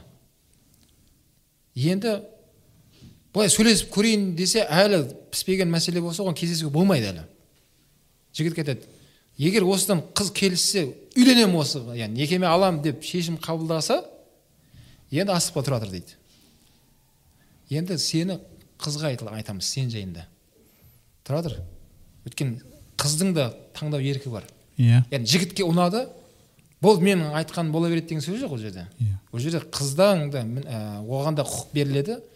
Оған да жігіт ұнау керек. Бұған дәлел. Расул уақытында бір ә, бойжеткен қыз бала келіп пайғамбар келіп айтқан иә расулалла мен әкем мен ұнатпаған бір жігітке тұрмысқа берейін деп жатыр айтыңызшы осы жерде мен әкемнің айтқанын істеп яғни өз еркім ешқандай қызықтырмай мен соған шығуым керекпін ба? Жоқ менде таңдау еркі болады ма деп сұраған кезде расул айтқан таңдау еркі бар сенде деген қаласаң сол әкеңнің айтып тұрған қызына жігітке тұрмысқа шыға аласың деді расул егер қаламасаң сен оған ә, жоқ деп жауап бере аласың деген кейін жаңағы қыз бала я расулалла мен әкем айтқанын ешқашан жоқ еткен емеспін мен әкем айтқанын шығамын деді сол жігітке бұл айтқым келгені бізден кейінгі қара көздеріме мен айтқым келді біздің ислам дінінде зорлық зомбылықпен былай жүре бермейді деген нәрсені көрсеткім келді деп айтқан да сол сахаба жаңағы қыз бала. Міне сол сияқты жаңа жігіт қызды әбден көрді сыртынан ұнатты бірақ қыз білмейді ол нәрсені. Қараңыздар құтпаға дейінгі яғни жаңағы хитпаға дейінгі амалдар бұның бәрі. Енді қызға айтады. Сен сыртыңнан осындай бір самат па или марат па иә? Осындай бір жігіт көріп ұнатыпты. Суреті мынау. Пәлен жерде жұмыс жасайды. Сен барып көрсең болады сыртынан. Бірақ ол, ол кезде жігіт те білмейді ол қыздың қарағанын. Қыз да оның сыртынан бақылап былай қарайды. Кейін ортадағы адамдар жұмыс жасап жатыр ғой енді. Жаңағы қалауында ол жеңгетайлар осы қараңыздар қандай қылып алып келе жатыр? Бұл өте ыстық болады ол өте жақсы бір жолмен келе жатыр да қараңыз. Жаңағы қалауын деген сияқты шоулармен емес. Кейін қыз жігітті сыртынан көрді. Ә, қыз үндемеді. Бола ма деген еді үндемеді тіпті шариғат ә, сол фиқ кітапта келеді қыздың үндемеуі ол келіскен дейді егер тұрмысқа шықпаған қыз болса дейді ал бір мәрте тұрмыс құрып сондай бір тағдырмен айырылысып кетті немесе күйеуі қайтыс болған қыз болса Иә. онда ол ашық айту керек. Тустамар деген нәрсе Иә, бар ғой. иә сол мәселе. Жаңағы тұрмысқа шықпаған қара көзіміз айта берейік. Үндемеді. Өйткені ол ұялады айтуға. Қараңыз біз сондай бір ұятты сондай бір тектілік қой оның бәрі. Қыз ұялды. Айта алмай жатыр ғой ұнады ұнамады деп. Оны анау үшінші ортадағы адамдар түсіну керек жаңағы жеңгетайлық нені атқарып жатқан кісілер. Енді бұларды осындай не ұйымдастырады? Кофе дейміз ба мынандай шай дейміз ба? Бірақ екеуі жеке қалмайды. Үш адам болып үшінші шайтан болады деген рас адам. Иә. Неге? Бұлар сыртын көрді ғой бір бірін екеуі де ұнатты. Енді сөйлесіп жан дүниесін сөйлеу арқылы адам кім екенін білесің ғой? Иә. Сөз барысында оның деңгейін анықтайсың. Кім екендігін. Ақыл парасат иә. Шариғат рұқсат береді. Жігітке де қызға да сөйлесіп ашық емін еркін байланысыңдар ә, енді осы кездесуде шектелінбейді. Бір бауырларымыздан естіп жатамыз. Үшеуден артық кездесу болмайды екен ғой дейді. Жоқ үш мәрте ол жерде бес мәрте деген сөз жері жоқ. Керек болса жүз мәрте кездесуге болады. Бірақ исламның шеңберінен шығып кетуге болмайды. Енді кездесе беруге рұқсат берді деп екеуі жеке киноға келуге болмайды да кинотеатрға бөлмеге кіріп алып екеуі құшақтасып кино көріп отыруға болмайды. Гүл ұстасып кола ішіп паркте отыруға болмайды әңгімелесіп. Бұл хитпадан кейінгі неке екеуінің арасындағы дейінгі болып жатқан процесс хитпаға дейінгі болып жатқан процесс жаңа хитпа бұл бірін бірі тану мақсатында. хитпа некенің алдындағы болып жатқан нәрсе қазір Иә, хитпаға иә. келемін мен. Екеуі осылай былайша айтқан кезде қыз бен жігіт жүріп жатыр дейміз ғой. Бірақ ислам шеңберінде болу керек. Яғни жігіт қыздың қолын ұстауға болмайды. Иә?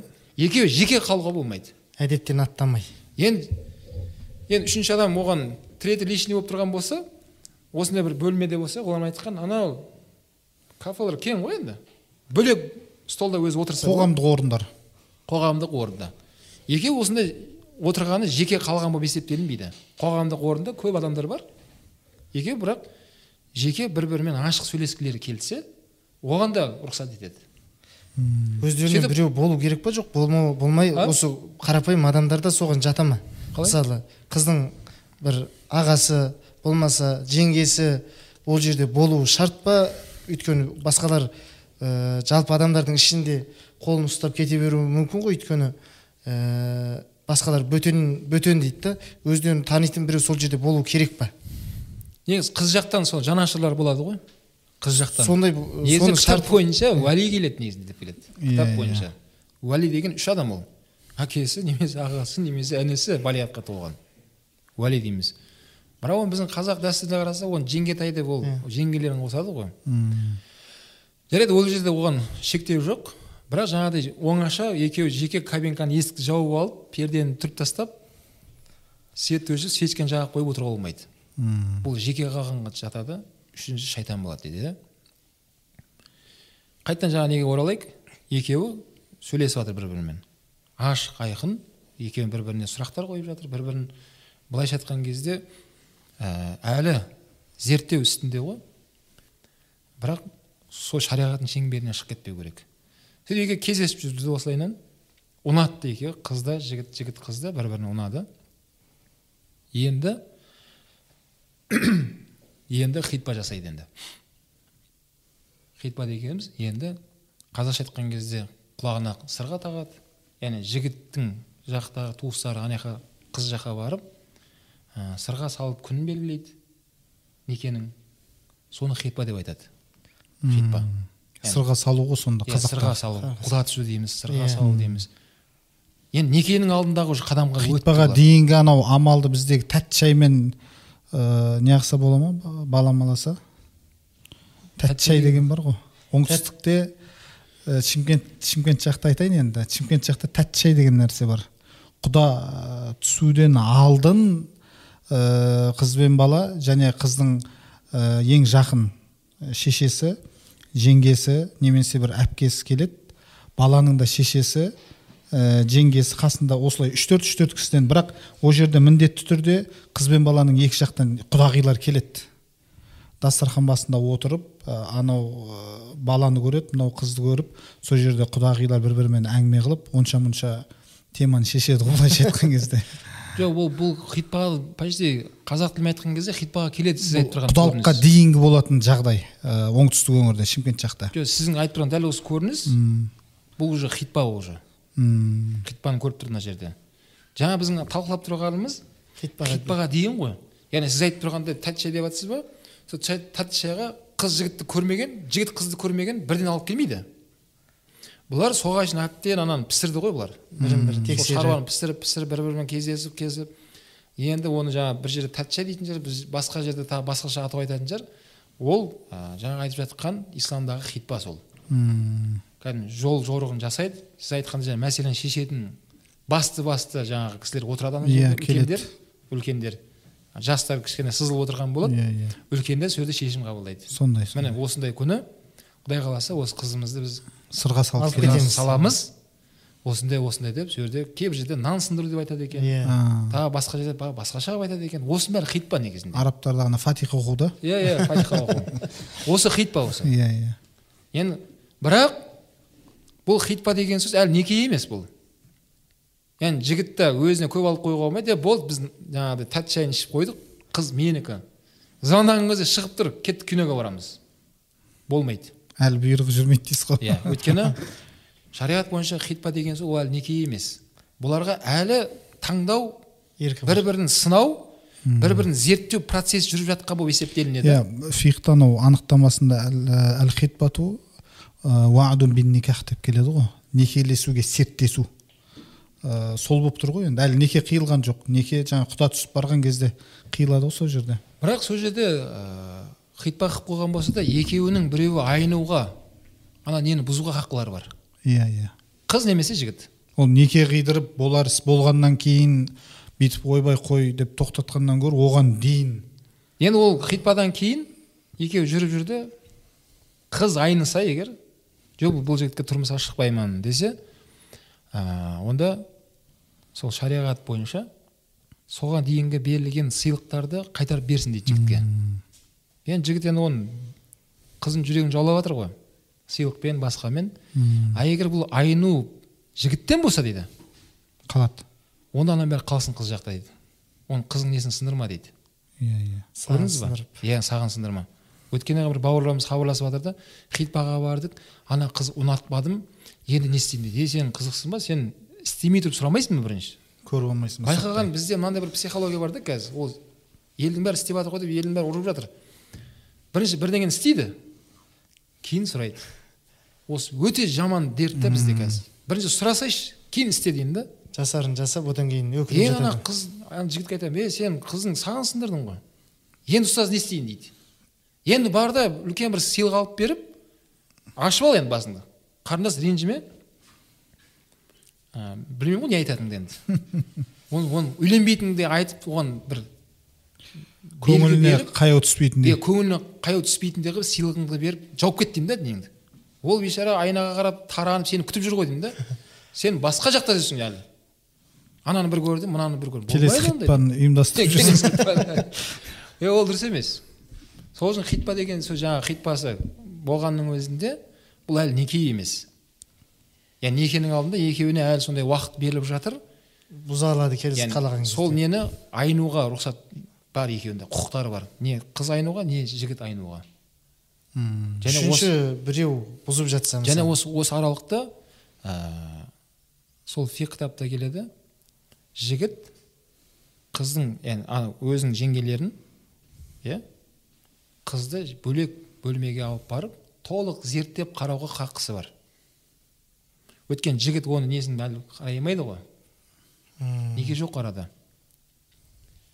Қызға да сондай мүмкіншілік береді. Өзінің ана жезделері арқылы ма жігітті толық несін көріп алуға болады. Қай жерінде шрамы бар? Здоровый жігіт па арық жігіт па? Формада ма қарны шығып кеткен ба или ана яғни екеуі осындай хитпандан кейін де некеге шейін осындай процесс жүргізе алады. Мына кейбір ұлттарда бар ғой. Хаммамға апарады моншаға. Қызды. Хитпа жасаған кезде жеңгелері қыздың ә, жігіттің жеңгесі мамалары ә, моншаға апарып қызбен бірге моншаға түсіп қайтады. Одан кейін барып некесін қиып жатады да. Сол кейбір ұлттарда бар екен сол дәстүр. Некеден алдын бір күні барып шешесі солар көреді екен. Моншасы қызық екен иә сол қызық екен. Бұл басқа ұлттарда ғой енді бізде жоқ. әр елдің жаңа салты басқа иттері ала қасқа дегендей болып тұр ғой. Алла разы болсын ұстаз. Х- э, хитбаға қатысты біраз э, тың мәліметтерді біліп алдық. Енді мынау ұстаз қазіргі таңда уақытта э, енді ажырасу өте көбейіп жатыр. Енді статистикаға сүйенсек үштен бірі деп жатады кейде. Үйленген кісінің мысалы үш азаматтың біреу үш отбасының біреу ажырасып кетіп жатады дейді. Оның ішінде әсіресе бұл мынау бұл тенденция намазхандар арасында да қазір осы күндері белең алып келе жатыр да. Осыған не себеп және бұның алдын алуға қандай насихат айтасыз? Не айтар едіңіз? Енді алла субханала тағала жаңа айттық қой бұл шариғат бұл ә, заңдылық. Қазір міне, ә, елімізде конституция заңы дейміз. Ол конституция заңымыздың өзі өзгеріп жатыр. Өйткені заман өзгерген сайын алдыңғы шыққан заңдар қамти алмай жатыр барлық мәселені. Жаңа заң қабылдайды да ананы қысқартады жариялайды осындай заң шықты деген сияқты. Ал ислам шариғаты қияметке шейінгі адам баласының заңы бұл. Құран расул айтқан хадис сүннет сол алла тағаланың шариғаты бойынша жаңа айтылды ғой сөздің басында сол бойынша жүрсек қоғамда ешқандай проблема болмайды негізінде. Ешқандай проблема болмайды. Енді ол жаңа айырылысу деп бұл соңғы бұл нәтиже бұл. Бұл соңғы көрсеткен көрініс айырылысу деген алла сақтасын. Бұл айырылысу ә, хадисте келгені бойынша мынау алла тағаланың жаратқан нығметтерінің ішіндегі алланың ең жек көретіні талақ мәселесі дейді. Расул салам шайтан іблистің ең жақсы көретін мәселесі дейді. Талақ мәселесі. Ә, бұл ең соңғы шешім ғой негізінде. Бірақ ә дегенде жаңа өзіңіз айтқандай жастардың сондай көп ұзамай айырылысып жататындарын ә, естіп жатамыз өкінішке орай. Бірақ оны ғибрат ретінде осыны қазір қозғап жатырмыз. Ә, одан ғибрат алуымыз керек. Олардың сол қателіктерін біздің ұрпақтарымыз қайталамауды алла нәсіп етсін иншалла. Әмин. Иә сол үшін біздер оны иншалла көп насихаттауымыз керек. Анау ә, баласы әке шешесі балаға дұрыс тәрбие беру керек. Қыздың ата анасы қызына дұрыс тәрбие беру керек. Баланың ата анасы баласын ер азамат қылып тәрбиелеу керек. Ол болашақта отбасының тұтқасын соның қолында болады. Қыз баланың ата анасы әсіресе анасы. Қызын жаңа айтылды ғой оны болашақта сен мынандай боласың сен осындай мамандықты игересің деп емес. Сен ана боласың. Болашақта сен сондай барған жеріңде бізге мақтау айттыратын ой атасына рахмет анасына рахмет айттыратын сенсің. Немесе керісінше көргенсіз екен білмейді екен деп жаманатты қылатын да сенсің сол үшін қызым міне әзірден бастап ә, қыз мұраты кету дейді ғой қазақ. Қыз мұраты кету. Ол қыз баланы алла сондай қылып жаратқан ол бәрібір өзінің тұрақтанып қоныстанатын бақыт құсы қонатын ол өзінің күйеуі болашақ жігіттің үйі болып есептелінеді да қыз бала қонақ қыз баланы иә. Ата бабаларымыз қалай істеген? Қыз баланы сондай қылып тәрбиелеген әкесі сол жаңа ә, неке қиылғаннан кейін батасын беріп жатқан кезде айтады екен. Мен саған әкеліп берген тәрбиемен разымын егер сен күйеуіңді разы қыла алсаң Мм, анасы айтады екен мен берген ақ сүтіме разымын егер сол жігітіңді разы қыла алсаң деп айтады екен. Ата бабаларымызда сондай нәрсе қалған қыз бала айырылысу деген нәрсе жоқ тарихта. Айырылысқанды билер айтқан екен үкім шығарған ғой. Кімнің қызы егер айырылысып келсе ауылға кіргізбеңдер дейді екен. Есекке теріс отырғызып айдап жіберіңдер деген сөз бар. Және қыз бала өзінің төркін дейді ғой енді. Қыз бала үйіне келген кезде әке шешесі енді әкесі әсіресе кешке дейін қалдырмайды екен үйінде. Күн батпай жетіп ал үйіңе міне аманшылығымызды көрдің аман болыңдар деп шығарып салады екен. Сондағы мақсат не? Қызын жақсы көреді сағынған. Бірақ сонда көп уайымы соның отбасын көп ойлайды екен да әке шешесі қыздың. Кеткен адам ғой. Міне болды. Міне осы тәрбиенің қазір елімізде көп ә, айтылмағандықтан сол нәрсе көп көрінбегендіктен оның несі басқаша болып кетті. Мм, қазір мына мама мамалар да айтады ғой ішіме сыйғаным сыртыма да сыяды егер күн көрсетпей жатса таңертең ерте тұрғызып жатса қайтып кел үйде сенің бір кісілік орның бар деген сияқты сөздер айтылады да ол көп жерден естіп жатамыз. Жігіттерден әсіресе. Мамасы сөйтіп араласады дейді да қыздың. Ойбай ішіме де сыйдың ғой тоғыз ай көтердім енді сыртыма да сыясың сен келсең бір кісілік орын бар үйден табылатын. Келе бер деп алдын ала. Солай көпшік қойып жүре ма? Жоқ дұрыс емес тәрбие беріп жүре ма? Сол да бір себеп сияқты ұстаз. Қазіргі таңымызда ә, көп айырылысу себебі болып жатқанына. Енді ол мындай болса болып жатқан шығар оның бәрі шыққан тәрбие ғой. Қазақ сөйтіп айтқан ғой шешесін көріп қызын ал дейді. Енді шешесінің деңгейі сондай болып тұрған болса әрине ол. Бірақ ол айналып келген кезде шайтанның сөзі да бұл. Шайтан лағнет сондай ой салды. Осы сөздер бертін келе шыққан сөздер сияқты ма ұстаз ғана. Қазіргі алдында енді баяғыда болмады деп айта алмаймыз ғой бірақ ата бабамыздың жаңағы қараңыздар ә, сол білімнің жемісі ғой соның бәрі. Білген олар. Осының бәрін оқыған. Біздер ғой енді енді әйтеуір сауатымыз ашылып нетіп қарап жатқанымыз олар сауатты болған. Осының бәрін білген. Өйткені қиямет мәңгі ғой. Қиямет мәңгі. Ә, ол қыз бала аманат. Ол сол ата ана себебімен өмірге келді бірақ олар болмаса да ол келетін еді ғой өмірге. Басқа біреудің қызы болып. Енді қызды біз жаратқан жоқпыз ғой. Біздің балаларымыз біз себепті өмірге келді. Біз болмасақ та алла оны келтіретін еді. Өмірге келу керек болса. Яғни ол деген сөз меншік таба алдым деген сөз емес та менің қызым мен өзім білемін.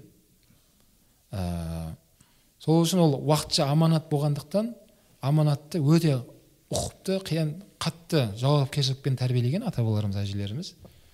Сөйтіп оның жемісі жаңағыдай керемет болып өнеге болып қалды тарихта да қазір оны жыр қылып айтып жүрміз. Енді жаңа айтқандай жанболат бауырымыздың біздің қоғамда неге осындай ушығып бара жатыр? Отбасыда дұрыс тәрбие болмағандықтан деп білеміз. Отбасыда. Дұрыс бағыт бағдар жоқ. Дұрыс бағыт бағдарлама бермеген. Және анау ә, шыны керек мынау батыс десе кейде анау батыс тағы өткенде бауырларымыз ренжіп жазып жатыр да. Мына бізді көп айта бересіздер деп. Жоқ батыс деп жатқан мұхиттың ар жағындағы батыс европаны айтамыз сол жақтың мәдениет сымақтары біздің елге қазір мәдениет болып келді ғой шыны керек. Мен жүрген жерімде айтып жүремін. Мына мұхтар шағанов ағамызға алла қуат берсін. Әдемі айтқан сөзі бар жастарға.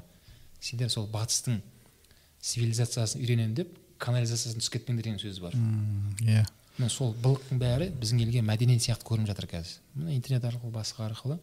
Соның ішінде әйел адамның ер адаммен ә, құқығы тең теңдік бірміз деген мәселен көп көтеріліп жатыр да. Әрине ол мынау конституция заң бойынша құқық бір әрине. Әйел адам ер адамның құқығы бір. Ол да қазақстан республикасының азаматы мынау да азаматшасы. Оған ешқандай сөз жоқ. Бірақ жауапкершілікке келген кезде ер адамға көбірек жауапкершілік жүктелгенін құран кәрімде аят көріппін алла тағала айтады ер адамдарды әйел адамға қарағанда үстем жараттым. Оның тәпсіріне ғұламалар айтқан яғни үстемдегі мақсат көп жауапкершілік ер адамдарға жүктелінген дейді. Бұмен не айтқым келді? Сол жауапкершілік біреудің қызын аманат қылып алды ғой. Болды оның ата анасы оның уәли жаңағы ағасы інісі бәрі алланың алдында жүздері жарық болды. Былайша сенің үлкен бір жүкті арқалап әрең келе жатқан едің сөйтіп мына жақтан күйеу бала келді. Сол жүгіңді алып алды сенен. Енді сен оған көмектесесің бе или аяғынан шалып құлатасың ба оны? Құлатқаның қайтадан жаңағы қызыңды ортаға түсе беріп түсе беріп тартып алғаның сөйтіп қайтадан сол жауапкершілікті өзің қайтадан алып аласың. Құдайдың алдында ертең масқара болып қайтадан жауап бересің.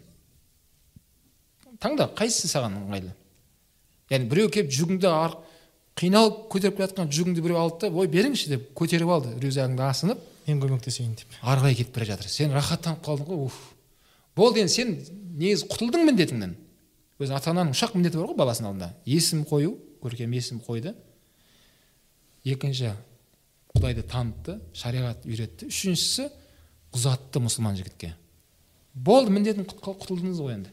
Енді міндетіңнен құтылғаннан кейін сен араласпасайшы оған бәлкім оған көмектесу керек қой күйеу баласына. Оған рахмет айтсайшы сен жүгіңді көтеріп алып арқалап бара жатыр ары қарай. Сен аяғынан шалып ол бейшараның алдында лоп тұрып алып сен кімсің сен? Менің қызым бұл. Шариғат бойынша айтатын болсақ мына жақтан әкесі шақырса мына жақтан күйеуі шақырса деген қыз ортада тұр қайсысына барсын десе күйеуіне барсын дейді. Күйеуіне барсын дейді. Мм. неге? Бұл неке қиылды бұл қыз енді сенікі емес. Бұл мына жаққа өтіп кетті аманат. Мыналар жауап береді енді. Сен құдайдың алдында жүзің жарық болды ғой ең маңызды осы емес па дейді да? Иә. Оған қайта қайта отбасын араласып қайта қайта оның болып жатқан жағдайын бір кітапта оқыған едім бір ана жазған екен қызына айтқан екен уақытында. Қызым ә, деп айтқан мынау күйеуіңнің араңда болған ұсақ түйек әңгімені маған айта берме деген да ол кісі. Өйткені деген сен әрбір айтқан сөзіңді мен жүрегіммен қабылдаймын деген анасы ғой. Сен енді оны сүйіп қосылғаннан кейін жаңағы жігітіңді сен оны кешіресің деген да. Бірақ мен кешіре алмай қаламын күйеу балам дейді. Тап тамаша күйеу баламның бытшын шығардым жамандай беріп айта беріп айта беріп. Екеуі қайтып күліп ойнап кете береді. Екеуің күліп ойнап кете бересіңдер. Мына жақта екі ортада мен жаман болып қаламын деген да күйеу балама деген ойым өзгеріп. Ата ананың көңілі түсіп кетеді. Сөйтіп қара аналар сөйтіп айтатын болған екен. Қызына а дегеннен аузын жауып тастайды екен. Тоқта айтпа сен айтсаң бізге жақсы жерлеріңді айтыңдар не болып жатыр? Қандай қуаныштарың болып жатыр? Сен соны айт деген. Ал анау неге келетін болса ол қазақ айтып қойған үйлену оңай отбасы болу қиын. Оған кішкене уақыт керек екен да. Кішкене уақыт керек екен. Уақытпен ақырындап қыз сондай адаптациядан өтіп жатқан кезең ғой. Ол сол отбасыға сіңілісіп кету үшін оған уақыт керек екен. Сол уақыттың ішінде мыналар да араласып кетіп ыыы ондай болмайды. Шаңырақтың ортасына әрине. себеп болып жатады а, кейбір мен жаңа айтқандай әр ер азаматтың көкірегінде ә, бәрі мен жігітпін ғой мен мен еркекпін ғой деген психология бар. Оны ата аналар түсіну керек. Оны не дей беруге болмайды. Сен кімсің деп. Жоқ ол өзінің отбасын көріп тұр ғой енді ол. Мүмкін ол қызы ата анасы білмейтін қылықтарын ол мына жаққа келген кезде көрсетіп жатыр ғой. Енді ол жауапкершілікке алған екен ол күйеу бала жаңағы күйеуі оны тәрбиелеуге толық хақысы бар. Тәрбиелеу керек ана қызды. А сол уақытта ата анасы қолынан келсе көмектесіп ана күйеу балаға сөзін сөйлеу керек. Ей қыз тыныш жүр сен. Міне жаңа айтылғандай айналып келсек бәрі сол немізге қайтамыз ғой біз. Жаңа айтып жатсыз ғой бұл неден шығып жатыр? Мына ата бабаларымыз мынандай болған екен да ә, танымайтын кісілерге қыз бермеген танымайтын кісілерден қыз алмаған екен. Қазір неге? Жаңағыда ай- айырылысу десе танымайтын адамдар бір бірімен құда болып жатыр. Иә. Сыйламайды танымағаннан кейін анау өзінің ерке баласының сөзін сөйлейді мынау өзінің ерке қызының сөзін сөйлейді. Ал танитын адамдар құда болатын уақытысында? Ұят болады мен ұстайды ғой көп нәрсені. Анау жігіттің әкесі өзінің баласының құлағын бұрап қояды. Ей бала сен тыныш жүр дейді. Сен жоқ кезде мен оны анау кіммен араласамын сенің қайнатаңмен мен біздің достығымыз анау ар жақтан келе жатыр. Қыздың ата анасы да қызының құлағын бұрап қоятын болған да. Сен қыз байқап жүр. Иә. Олардың кім екенін сен айтайын саған. Ол сондай отбасы. Біз сендер жоқ кезден араласамыз олармен. Сен ұятқа қалдырма бізді.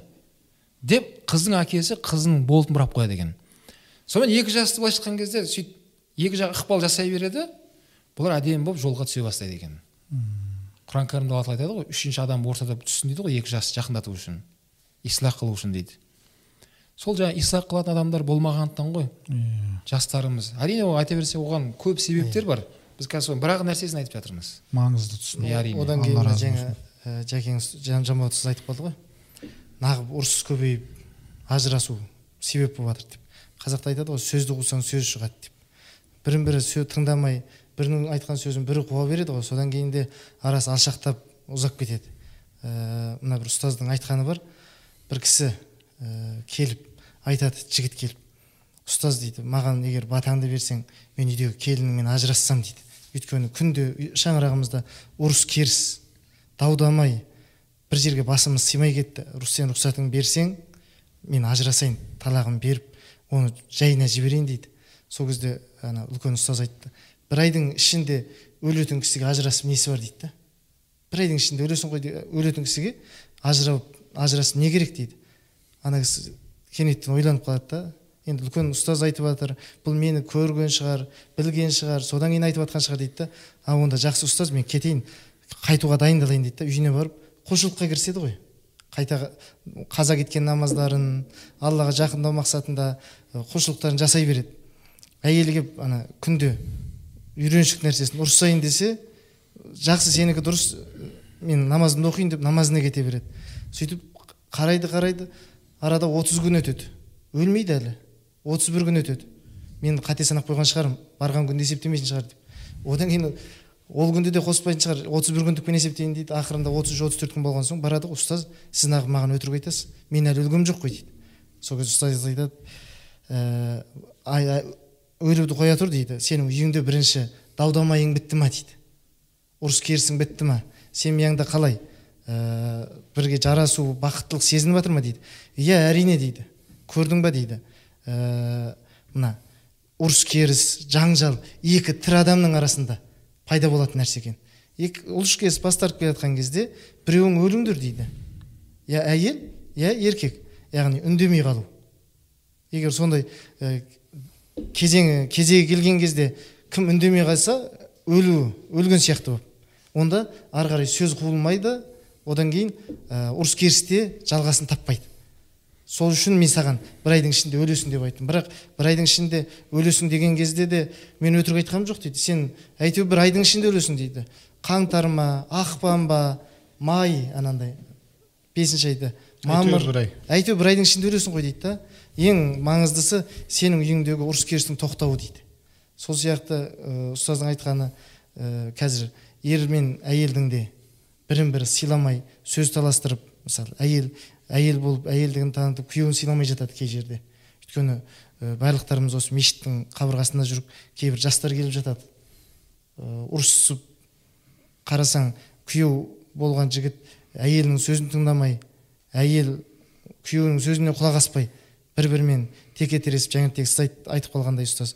Ана ә, біздің құқығымыз тең әйел мен еркек тең тең болуымыз керек деген сияқты нәрсемен ары қарай жалғасып кетіп ә, оның ар жағы тіпті ажырасуға дейін жаңағы ұстаздың айтқаны. Соға дейін ұласып жатады ғой. Ә, осы нәр, ә, мәселеде ә, арасында біреудің үндемей қалуы мысалы бәріміздің енді жұтатын жерде өзін Иә, жұту керек деген иә. сияқты ғой енді. Мына бұрында папамыз бен мамамыз сөзге келісіп қалған кезде папамыз киімін киіп алып ақыры есіктен шығып кететін ғой?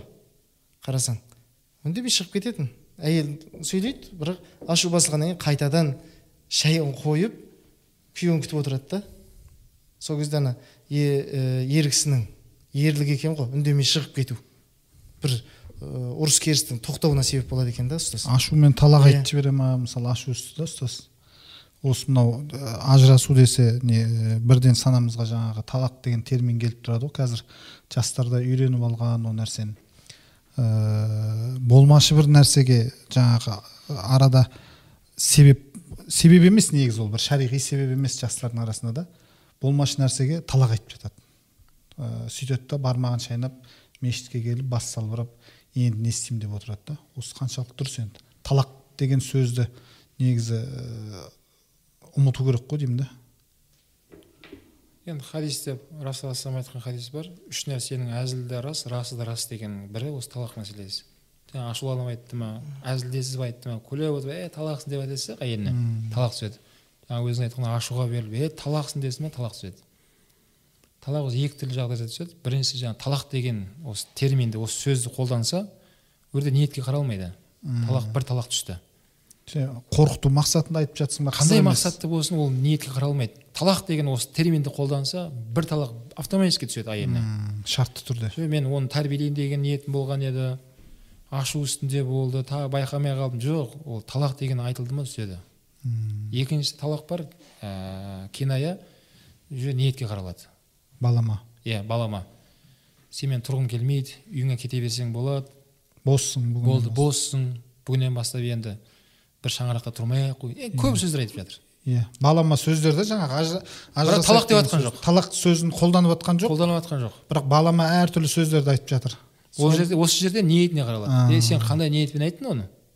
Неге таксиге салып үйіне салып жібердің сен десе е айырылысу ниетім жоқ десе сақтасын әйелін тәрбиелегім келді иә бір сабасына түссін. Бір сабасына түссін көрсін енді ол да. Мен де мүмкін жалғыздық кішкене ойлану мен да осындай керек болған шығар десе ешнәрсе болған жоқ талақ түспейді онымен түспейді. Сол үшін байқау керек. Жаңа өзіңіз айтқандай ә, жаңа өзіңіз айтқандай шайтан ауызға салып тұрады жаман нәрсені. Ә, байқау керек. А талақы марраттан дейді алла тағала аятта. Біліп қойыңдар талақ екі мәрте түседі дейді. Үшіншісінде қаласаңдар алып қалыңдар дейді. Қаласыңдар оны босатасыңдар жібересің енді. Талақ өте қиын мәселе. Иә. Сол ә, кейін жаңа айтылды ғой басында айтқанымыздай істеп алғаннан кейін барып сұрап жатады да өзіңіз айтқандай. Мен осындай деп істеп қойдым айтып қойдым дұрыс па? Е соны айтпай айтып істемей айтып сұрасаң болады ғой. Деген секілді. Енді жаңа айтылғандай қазақта сөз бар ғой. Ә, ақылды әйел адам күйеуінен таяқ жемейді дейді. Оны талақ айтуына әйел адамда себеп болмау керек. Сондай соны ашуына тимейтіндей деңгейде оны ә, жағдай жасау керек та әйел кісі өйткені ер адам өзіне өзі оны айта бермейді ғой. Ешқандай ер азамат ә, жаңағы некелескен кезде құдай қаласа үш жылдан кейін талағын беремін ғой деп үйленбейді ғой ешкім. Иә. Иә сонымен шаңырақ құрып өсемін өнемін құдай қаласа ұрпақ сүйемін деп жақсы ниетпен үйленеді мұсылман жігіттер мен жаңағыдай өкінішке орай сол талақ деген сөздің аузына алып келіп тұрғаны шайтан бірақ оған мына жақтан себепкер әйел де бар да. Оған да қыздар өте ықтият болу керек. Яғни шапалақ екі қолдан дейді қазақ. Әрине ол жігітті ақтап тұрғаным жоқ. Ол айтса ол да кінәлі әрине. Бірақ кінәні қыз жақтан да қарау керек та ол да қарау керек. Яғни күйеуінің сондай балаларының әкесінің сондай нәрсеге барып қоюына қызда ондай себеп болмау керек. Шариғат бойынша ә, негізінде жесір деген тағдырдың тәлкегімен жаңағы күйеуі қайтыс болған әйел кісілер ғой. Жетім десе әкесі қайтыс болып кеткен балалар. Бірақ өкінішке орай қазіргі күнде осының екі мағынасы бар. Екі жесір бар екі жетім бар. Жаңағы тірі жетім бар әкесі қайтыс болған жаңағыдай жақсанды жетім бар. Әкесі тірі оны тастап кеткен ғой екінші жесір бар жаңағыдай күйеуі тастап кеткен немесе шариғаттағы жесір бар күйеуі қайтыс болып кеткен. Енді тағдырдағы жаңағыдай қайтыс болып кетіп жатса ол басқа мәселе ғой. Иә. Ә, сол үшін жаңағыдай кім бауырымыз айтқандай ә, жігіт болғаннан кейін әрине сөз қуыспау керек біріншіден. Әйел адам енді сол көп сөйлейтіндігін ғұламалар айтқан. Жалпы әйел адам тәулігінде тәулігінде дейді жиырма бір мың сөз сөйлейді дейді. Бұл қалыпты жағдай дейді. Ер азаматтар қалыпты жағдай төрт мың сөз сөйлейді екен. Охо. Сол мамандар айтады бес есе артық төрт мың сөздің бәрін көшеде қолданып жұмыста қолданып үйге қызыл жанып келмесін дейді да хотя мыңын алып келіңдер үйге дейді. Шай ішіп отырып әңгімелесіп ә қатын молодец дұрыс сенікі иә иә әрине деп сол мыңды бітіресің дейді. Сол арқылы жиырма мың сөзін айтып тастау керек екен да. Бірақ ол деген сөз оны айтты деген сөз шешім қабылдайтын сен ғой бәрібір. Ол да арасында жаңылысып түртіп қойып отырасың соңында өзің болтын бұрап нүктесін қоясың. Бұл жерде көп мәселе тыңдай алмайды ғой жігіттер. Тыңдай білуде ол да бір шариғатымызда не дейді? Әйел адам тыңдау керек. Енді тыңдау болғанда қай жақ қандай мағынада өйткені ол ә, қателікті мойындау да мұсылманның бір сипаты. Яғни мен еркекпін мен жігітпін деп стол ұра бергенмен түк те шығып жатқан жоқ. Ол дұрыс емес. Яғни мұсылман адам айыбын мойындайды қатесін мойындайды. Сол кезде әйел адам жиырма бір мың сөзді айтқан кезде мен айттым ол тыңдады деп шерін таратты дейді ғой. Ол да жеңілденіп қалады екен. Кейін әрмен қарай тыныш жүреді екен көп жер айтып жүремін. Қазіргі таңда өкінішке орай осы отбасыдағы көп ә, бір себептің бірі телефон деп ойлаймын мен. Өйткені телефон шұқылау арқылы отбасыда мәміле жоқ бір бірінде ә, өзім де соны көбірек қолдануға әрекет қыламын. Барынша үйде телефон қолданбауға. Мысалы қарапайым шайдың үстінде отырсыз тамақтың үстінде деп айтайықшы. Кешкі асқа немесе таңғы аста отырсыз отбасыңызбен. Телефон шұқылап отырсын. Шай ішіп отырсын тамақ ішіп отырсын телефон шұқылап отырсын. Әйелді телефон шұқылап шай құйып отыр саған телефон шұқылап отыр. И балалар да осылай кете берсе бұл отбасы жақсы отбасы емес. Мынаның бәрі мәңгүрт болады. Арада байланыс жоқ. Перде бар арада яғни бәрімізге ортақ нәрсе отбасының көбірек бас қосатын ол шай тамақ қой негізінде. Сол кезде ғана бір бас қосып қаласың. Келіңдер тамақ ішеміз шай ішеміз. Бірақ сол кездің өзінде хаққысын бермей байланыса алмасаң ортадағы сол контакт болмаса бір бірімен. Бұл да септігін тигізіп жатыр да. Алыстайды шай ішіп болады да балалар бар бөлмеңе барыңдар. Олар телефон шұқылап кетті бөлмесіне. Әйелің де ана жерде қазан табақ басында телефон шұқылап жүр. Сендер мына жақта телефон қарап спальныйда жатсың бөлмеңде. Осылай кете берсе ә, шайтан оп оңай кіреді ол отбасыға бұзып жіберіне сөйтеді да анау әрқайсысы сол телефонда қалған тәрбиесін бір біріне сол қыр көрсете бастайды ақыл айта бастайды басқа басқа ә, енді оның жолдары көп бауырлар оны бірақ бақытты деп айтуға болмайды оның септігі көп. Сол үшін айналып келген кезде жаңа айттық қой оның ең түбір басы ана жақтан іздеуіміз керек. Тектілік соның бәрі. Тектілік. Жаңа қазыбек бидің анасын олар жаңағыдай көзі мынандай болса да аяғы мынандай деп қарап жатқан жоқ. Тектілігіне қызықты бұлар. Ал тектіліктен шыққан қыз ә, жаңағыдай қандай жігітке шықса тектілігін қылады ол. Сол отбасыны айрандай ұйытады түтін түзуге ұшырады. Ол ақырындап сол отбасына ықпал жасайды да. Ә, бірақ жігіттер де оған әрекет жасау керек. Расул айтқан жаңағыдай иманды қызға үйленсеңдер отбасыңа елу пайыз ислам кіріп келеді деп айтқан расул сендер де қарап отырып әрекет қылсаңдаршы деп айтқан да расул соны бір жақты қарауға болмайды әрине. Оның жолдары өте көп. Иә. Сол тектілікті демек басында балаларымызға соны көп үйретуіміз керек жастарға көп айту керек. Жар таңдауда барынша өте ықтият болу керек. Өйткені ол ә, қарапайым егіннің өзін көрінген жерге еге салмайсың ғой. Суармалы жер іздейсің. Топырағы құнарлы ма соған қарайсың? Тіпті қымбаттау болса да арендаға алып егіп жатыр адамдар. Бұл жерде біреулер тегін жер беріп жатыр бірақ құнарсыз болса ешкім екпейді ол жерге. Сол сияқты сенің ұрпағың ол құрандағы аят бойынша өзің егін егетін жерлеріңмен жақындаңдар дейді ғой аятта. Сол егін егетін ол әйелің сенің ұрпағыңның егін егетін жері ол. Оған өте қатты мән беру керек. Оны жаңа айтқандай ол қыз таңдаудан шықты ғой жаңа әңгіме.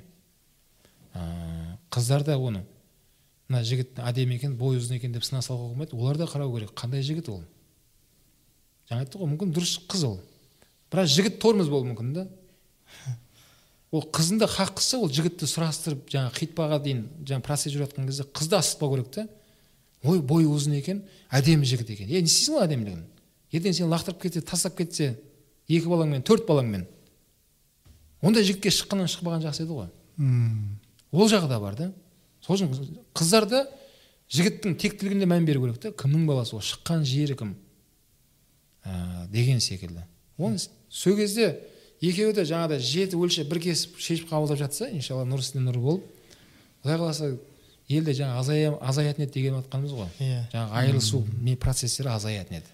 Иә. Мына айрандай сөз- сөзіңіз аузыңызда ә, бір ұстаз айтады да күнімізде дейді жігіттер өздеріне жар іздеп әйел іздеп кетті дейді. Бойының ұзындығына бағанағы айтқандай фигурасына қасы көзіне қиылған соған қарап кетті дейді. Өзінің тура бағытынан ауытқып кетті дейді да басқа жаққа қарай. Негізінде жігіттер өздеріне әйел іздеуден бұрын болашақ ұрпақтарына ана іздеу керек еді дейді да. Болашақ ұрпақтарына ана іздеу керек еді дейді. Ал енді күнімізде жігіттер ойбай көзі ә, бота көз қиғаш қас бұраң бел деген сияқты сұлулығына қарап кете берді да өздерінің Стандарт басқа болып иә стандарт басқа болып кетті. Жаңа айтып жатқаны сол. Қазыбек бидің анасы тектілігіне қарап жатқан жігіттер шамалы болып қалды қазір. Күнімізде өкінішке қарай. Осы әйел әйел кісілер талақ айтыла ма ұстаз. Жоқ талақ деген ә, бұл жіберу деген мағына. Неке байлау ғой. Иә иә. Мысалға жылқыны деп айтайықшы бір айғырды деп айтайық иә тұлпарды. Оны қазыққа байлайсың. Сол неке да? Мысалға деп жатырмын иә сол иә неке деп айтады байлау. Сөздік сөздік мағынасы иә. Талақ деген сол оны жіберіп жіберу енді. Осы байлауды да жіберуді де ислам шариғаты ер азаматтарға берген. Оны ғұламалар былай түсіндіреді кітапта. Аллаға шүкір дейді. Осы талақты алла тағала еркектерге бергені жақсы болған дейді. Егер әйелдерге бергенде дейді алла біледі бізге әйелдеріміз күніне жүз талақ беретін еді дейді. Телефон көтермей қалсаң талақ кешігіп келсең талақ тамақ ішпесең де талақ беріп жіберетін шығар. Ғафар деген мегаға апармай келсең талақсың. Афер деген киімін әпермей қалсаң талақсың деген сияқты. Сол ғұламалардың айтқан осындай бір сөздері бар кітапта. Ал ер азаматтар жаңа айтылды ғой. Өте сабырлы. Төзімді. Ойланып барып шешім қабылдайды екен. Иә жәннатта да иблис адам алейхисаламды азғыра алмады дейді. Адам алейхисаламды хауа анамызды азғырды. Сол хауа анамыз арқылы адам алейхисаламды ана жегізді ғой жемісті. М, иә. Сөйтіп жәннаттан шығарылды бұлар. Содан шығарады да ғұламалар. Ә, талақ мәселесін жаңа айтқандай оны ер азамат қана берілген. Енді әйел адам ол мың мәрте талақ берсе де бір талақ та түспейді араларында. М, әйел тұрып алып бол талақсың бүгіннен бастап тұрмаймын сенімен талақсың десе айтса айта берсін бірақ ол не болмайды. Онымен ешнәрсе болмайды. Неке бұзылмайды. Неке бұзылмайды. Өйткені бұл некенің жауапкершілігі ер азаматтарға берілген. Сол жаңа айтып жатқанымызда ер азамат соған сай жүру керек та. Соған лайықты білімді болып жүру керек. Соған лайықты жаңағыдай ұстанымы болуымыз керек иншалла жігіттеріміздің. Балаларымызды соған жігіт қылып тәрбиелеуіміз керек. Енді жігіт Иә. болып жүргеннен кейін отбасыда да ол жауапкершілік ол жігіттің мойнында. Енді жігіт әлсіреген кезде отбасы әлсірейді ғой. Отбасы әлсірейді одан кейін енді одан кейін жаңа талақ көтеріп жатырмыз ғой. Бұл талақ деген жаңа айттық қой ең соңғы шешім енді бұл. Енді әртүрлі жағдай болады ғой. Ислам шариғаты бәрін қамтып кеткен да небір жағдайлар бар. Мысалға қыз балаға қиянат болып жатыр. Жігіт хаққысы бермей ма? Немесе дұрыс емес ұстанымға жолға түсіп кетті ма? Зұлымдық қылды ма? Зұлымдық қылып жатыр ма? Сөйтіп қыз әйел адам хаққысын талап етіп қазиға келді. Қази қазіргі күнде ол муфтият ол имамдар. Е менің хаққым бар ма өзі? Мына кісі зұлымдық қылып жатыр маған иә ақымды жатыр кейін мамандар оны зерттеп жаңағы жігітті зерттеп қараса шынымен сондай болып шықса оған бір ескерту беріледі жігітіне. Е сен байқа дейді. Сөйтіп арада уақыт өтті ол тағы да қайталады соны. Екінші ескерту болады. Енді үшіншісінде ол талағын бермесе де сол қази талағын алып екеуін ажырата алады. М, өйткені әйелге зұлымдық болып жатыр. Иә иә. Мысалға немесе ек- басқа жағдай бар екеуінің басы сыйыспай жатыр. Анау мақтағанға мынау мақтағанға екеуі қоса салды ма білмеймін ғой небір жағдайлар Иә, иә. әрбір жағдайлар болады әртүрлі жағдайлар болады. И екеуінің басы сыйыспайды. Ұрыс жанжал. Бұлардың өмірлері жақсы жағына емес барған сайын жаман жаққа кетіп жатыр. иә бұлардың ақылақтары өзгеріп кетті екеуінің де ит пен мысық сияқты ашылып кетті иә, дейді ғой беттері қазақта. ашылып кетті дейді. Ит пен мысық сияқты ырылдаса берсе сол арқылы құлшылықтарына нұқсан келіп жатыр. Ана намазына нұқсан келіп ә, осындай себептермен болып жатса онда жаңағы шариғат рұқсат береді ә, айырылысуға. Бірақ алла тағала құран кәрімде айтады екеуіңді ризықтандыратын менмін дейді. Яғни мынау мына жолмен кетті мынау мына жолмен кетті. Екеуін де ризықтандыратын алла тағала менмін дейді. Бірақ енді жаңа айтқандай ә, бұл ең соңғы шешім да. Иә. Бұл деген сөз яғни біреу зұлымдық қылып сені сондай болып жатса да онымен тұра бер деген сөз емес қой. Яғни оның құқығы тапталып жатқан болса әйел кісінің немесе ер азаматтың. Иә? Сондай құқықты тапталып оны қазидың алдында бірнеше мәрте көтеріліп сол анықталып жатса онда айырылысуға сондай болмаса онда сондай шешім қабылдауға да шариғат рұқсат береді. Айырылысуға да. Соңғы этап қой. Бірақ а деген кезде ең соңғы нені алып алып екіншіден ол кейде жаңағы байланысып жатады бауырларымыз шәкірттер. Ә, әйеліме талақ айтып қойдым е неге өйтіп айтасың? Әйелімді қорқытайын деген едім дейді. Е сен әйелді талақпен қорқыта алмайсың деймін. Кетеді болды десеңші онымен қорқыта алмайсың талақтан қорықпайды әйелдер. Талақтан қорқады әйел адам қашан ол білімді әйел кісі болса ақыретке деген иманы берік мықты әйел болса ақыреттен қорқады ол. Ол талақтан қорқады ол әйел адам. Тақуалық күшті әйел болса. Екінші бір әйел бар. Әйел кісі. Әйел деген көп қолданатын болдық иә қазір. Қазір қатындар деп айтсаң мәдениетсіз деп қабылдап жатыр ғой. А бірақ негізінде бұл қатын деген әйел адамға деген құрмет екен негізінде. Мәртебелі былай тарихтан қарасақ статус біздің ата бабаларымыз әйел деп ондай қолданбаған тарихта ешқандай ондай сөз жоқ. Ол бұл бертін келген сөз екен ғой. Иә. мәдени деп әйел мынау қай ел әйел деген сол қолданып кеткен екен да. Ал қатын деген сөз әйелдерге деген бұл құрмет екен. Иә. Олардың не- статустарын көтеретін сөз екен. Бірақ уақыт өте өте қара біз қандай қолданысқа кеттік те? Қазір қатын деп айтсаң мәдениетсіз екен деп қабылдайды сен иә қазақта қатын деп мынау сыдық бабамыз түркияда оқыған мысалы анау ә, осман империясындағы сұлтандардың әйелдерін хатун деп Хатундар. ол бір дәреже ғой. Дәреже деңгей статус белгілі бір сол деңгейде жерде бүгін осы тақырыпты қолданып жатыр ғой. Мен ойлаймын біз енді мына жаққа қарап осы қатынды көп қолдану керек деп ойлаймын.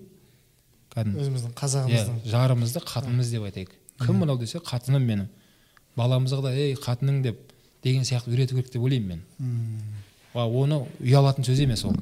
Олардың дәрежесін түсіретін сөз емес. Бәлкім әйел деген сөзден бұл қатынның Дәрежесі дәрежесі жоғары. Ана қазақта кезінде бес алты төрт бес бала болса туып беріп күйеуіне сондай әйелдерге қатын деп айтылады деп бір кісілер айтып жатады ғой. Оның өзі үлкен дәреже деп. Әйел мына әйел деп қоямын ғой тағы да ұстаздың сөзін бөліп ше. Әбден ана тіліміз үйреніп қалған ғой. Сол жаққа кетіп қала беріп жатыр да. Әйтпесе қатын деп айтқым келеді. Бірақ ана жақ басым болып кетіп жатыр да. Тіл жатып қалғанда соны Иә. жаттық. алла разы болсын ұстаз. Ә, аз отырған жоқпыз мына екі сағаттан астам уақыт отырыппыз. ә, осындай алтын уақытыңызды бөліп ә, келіп жатқаныңызға алла разы болсын. Ә, керемет өзіңізден мынау некеге қатысты одан қалса бері талаққа қатысты ә, жақсы мағлұматтар алдық. Ә, алла тағала осы елімізге пайдалы білім нәсіп қылып сол білімімізге сай амал қылып ә, сол амалдарымыздың қабыл болуын нәсіп етсін. Алла разы болсын сіздерге. Алла разы болсын сәке. Енді құрметті жастар бауырлар ә, мынау алланың қалауымен михраб ә, кезет деген мынау қазіргі күнде бұны желіде деп айтамыз ба арна деп айтамыз ба? Ә, осындай бір дінге қызмет қылып жатқан өте бір жақсы ә, бастама жүріп жатыр. Ә, осы арнаны құдай қаласа сіз боп біз боп оны дамытып осының көрермені болып оған тіркелуші болып әрқайсымыз оған қол ұшымызды беруіміз керек деп ойлаймын. Өйткені кез келген арнаның оның көрермендері оның тыңдармандары болған кезде ол арна өседі өнеді ол дамиды. Ә, жаңағыдай бір сындар болса оның сынын айту, айтылу керек. Ол жазыңыздар осы неге желінің комментарий қалдырыңыздар. Жүре жүре қазақ айтады ғой көш жүре жүре түзеледі дейді. Ә, сол сіздің айтып жатқан сындарыңыз сіздердің тіркеулеріңіз өте маңызды деп ойлаймын. Өйткені адамдар қазір дүниеге қатысты та бизнеске қатысты бірдеңеге қатысты көптеген осындай нелер ашылып кетті. Ә, бірақ мынау ә, мехраб kz ә, бұл құдай қаласа мынау өмірімізге және ақыретімізге өте пайдасы мол болған мән мағынасы бар ә, осындай желі қолданыс деп мен өзім білемін. Ә, айта жүріңіздер туыстарға достарға иншалла барынша осының кеңінен. Ә, және сол жерде комментарийде жазыңыздар. Болашақта қоғамдағы түйткіл өзекті мәселелерді қалдырыңыздар. Соны мамандарды мына жанболат бауырларымызға алла қуат берсін өзі өзінің тобымен. Ә, барынша оны соны дәл соның мамандарын шақырып құдай қаласа оны барынша ашуға әрекет жасайды иншалла. Алла тағала берекелі қайырлы етсін.